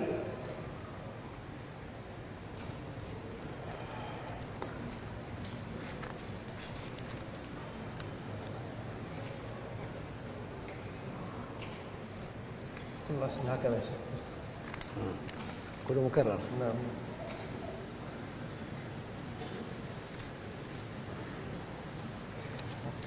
طيب هل البقاء في إندونيسيا يعتبر الرضا بالطاغوت ينزل. Ada pertanyaan, apakah tinggal di Indonesia termasuk ridho dengan togut dan tunduk kepada hukum Islam, ah, kepada selain hukum Islam? بقاؤكم في إندونيسيا لا يعني أنكم ترضون بالطاغوت لأني قلت لكم لا يجوز لكم تسموا رئيسكم طاغوتا فهو حاكم مسلم. يا إخواني الآن الدنيا كلها مبتلات بالتقصير وأنتم والله لو فتشنا في بيوتكم كما تفتشون في بيتي تجدون تقصير الكبير والصغير. والانسان يكون حاكما على أربعة أنفار. أربعة أشخاص من بيته مع ذلك يعجز عن إدارتهم. فكل رئيس محتاج إلى مساعدتكم لا إلى منابذته. وأين تذهب؟ فلا تغتر بما هو يوجد يوجد الآن في العراق. هذا تواطؤ بين الغرب والحاقدين على أصحاب رسول الله صلى الله عليه وسلم فقط. تواطؤ واتفاق بين الغرب والحاقدين على الصحابة رضي الله تعالى عنهم وسترون أنهم كما هو شأن من على شاكلتهم يقول الشيخ عبد المحسن العباد حفظه الله أن هؤلاء لا يطول عمرهم كما هو شأن من يفعل مثل هذه الأفعال. لا تغتروا بهذه الأشياء يكون إنسان رزينا ثقيلا يصبر ولا يهجم على الفتنة هكذا هجوما. فأنت في بلد مسلم أقم دينك في نفسك وفي أهلك وفي من تستطيع وادعو إلى الإسلام وأصلح من تستطيع من المسؤولين بالكلمة الطيبة الناصحة الهادفة يقوم الخير عندكم وتتغير البلاد من حسن إلى أحسن وهكذا إن شاء الله ترتقون Ya, jawaban dari beliau, maka tentu saja tinggal di negara Indonesia bukanlah tinggal berarti mengakui atau mengikuti tauhid. Karena pemerintah kita adalah pemerintah muslim. Meskipun dengan segala kekurangan yang ada pada dirinya. Saat ini di dunia, di setiap negara bahkan pada diri kita masing-masing banyak kekurangan. Seandainya kita datang ke rumah teman kita untuk memeriksa kekurangan-kekurangan yang ada di rumahnya atau kita menyuruh teman kita untuk datang ke rumah kita untuk memeriksa apa-apa yang salah di rumah kita akan didapati banyak kekurangan. Maka dalam hal ini seorang manusia mempertimbangkan ketika dia misalnya dalam rumahnya saja memiliki empat orang yang dipimpinnya, istri dan anak-anaknya. Ini pun dia menghadapi berbagai macam masalah-masalah atau salah dalam bersikap karena kekurangan yang ada pada dirinya. Maka setiap pemimpin membutuhkan bantuan, bukan untuk kita lawan atau kita memeranginya. Kita bantu dia, kita nasihati dia untuk bisa menegakkan agama Allah Subhanahu wa taala. Jangan terpengaruh dengan apa yang kita dengarkan berita-berita tentang keadaan yang terjadi di Irak atau di tempat-tempat yang lain. Disampaikan oleh Syekh di sini bahwa apa yang terjadi di Irak di situ di situ adalah cuma persengkongkolan antara musuh-musuh Islam dan orang-orang yang membenci para sahabat Rasulullah Sallallahu Alaihi Wasallam, yaitu orang-orang yang punya pemikiran Rafidah atau Syiah yang mereka membenci para sahabat Rasulullah Sallallahu Alaihi Wasallam. Kamu akan kalian akan menyaksikan hal ini. Syekh Abdul Musin Al Abbad, ulama besar di Madinah, Hafizahullah Taala mengatakan bahwa mereka-mereka ini kegiatan mereka tidak akan berumur panjang. Kita akan melihat kegiatan mereka akan segera berakhir sebagaimana propaganda-propaganda seperti ini yang yang sebelumnya. Oleh karena itu setiap orang, setiap orang muslim hendaknya berpikir dengan pikiran yang sehat, mempertimbangkan nikmat yang Allah Subhanahu wa taala berikan kepada mereka. Negeri kita adalah negeri muslim. Alhamdulillah kebaikannya banyak. Tentu ada keburukan-keburukan atau kekurangan-kekurangan yang kita harusnya selesaikan dengan cara yang baik.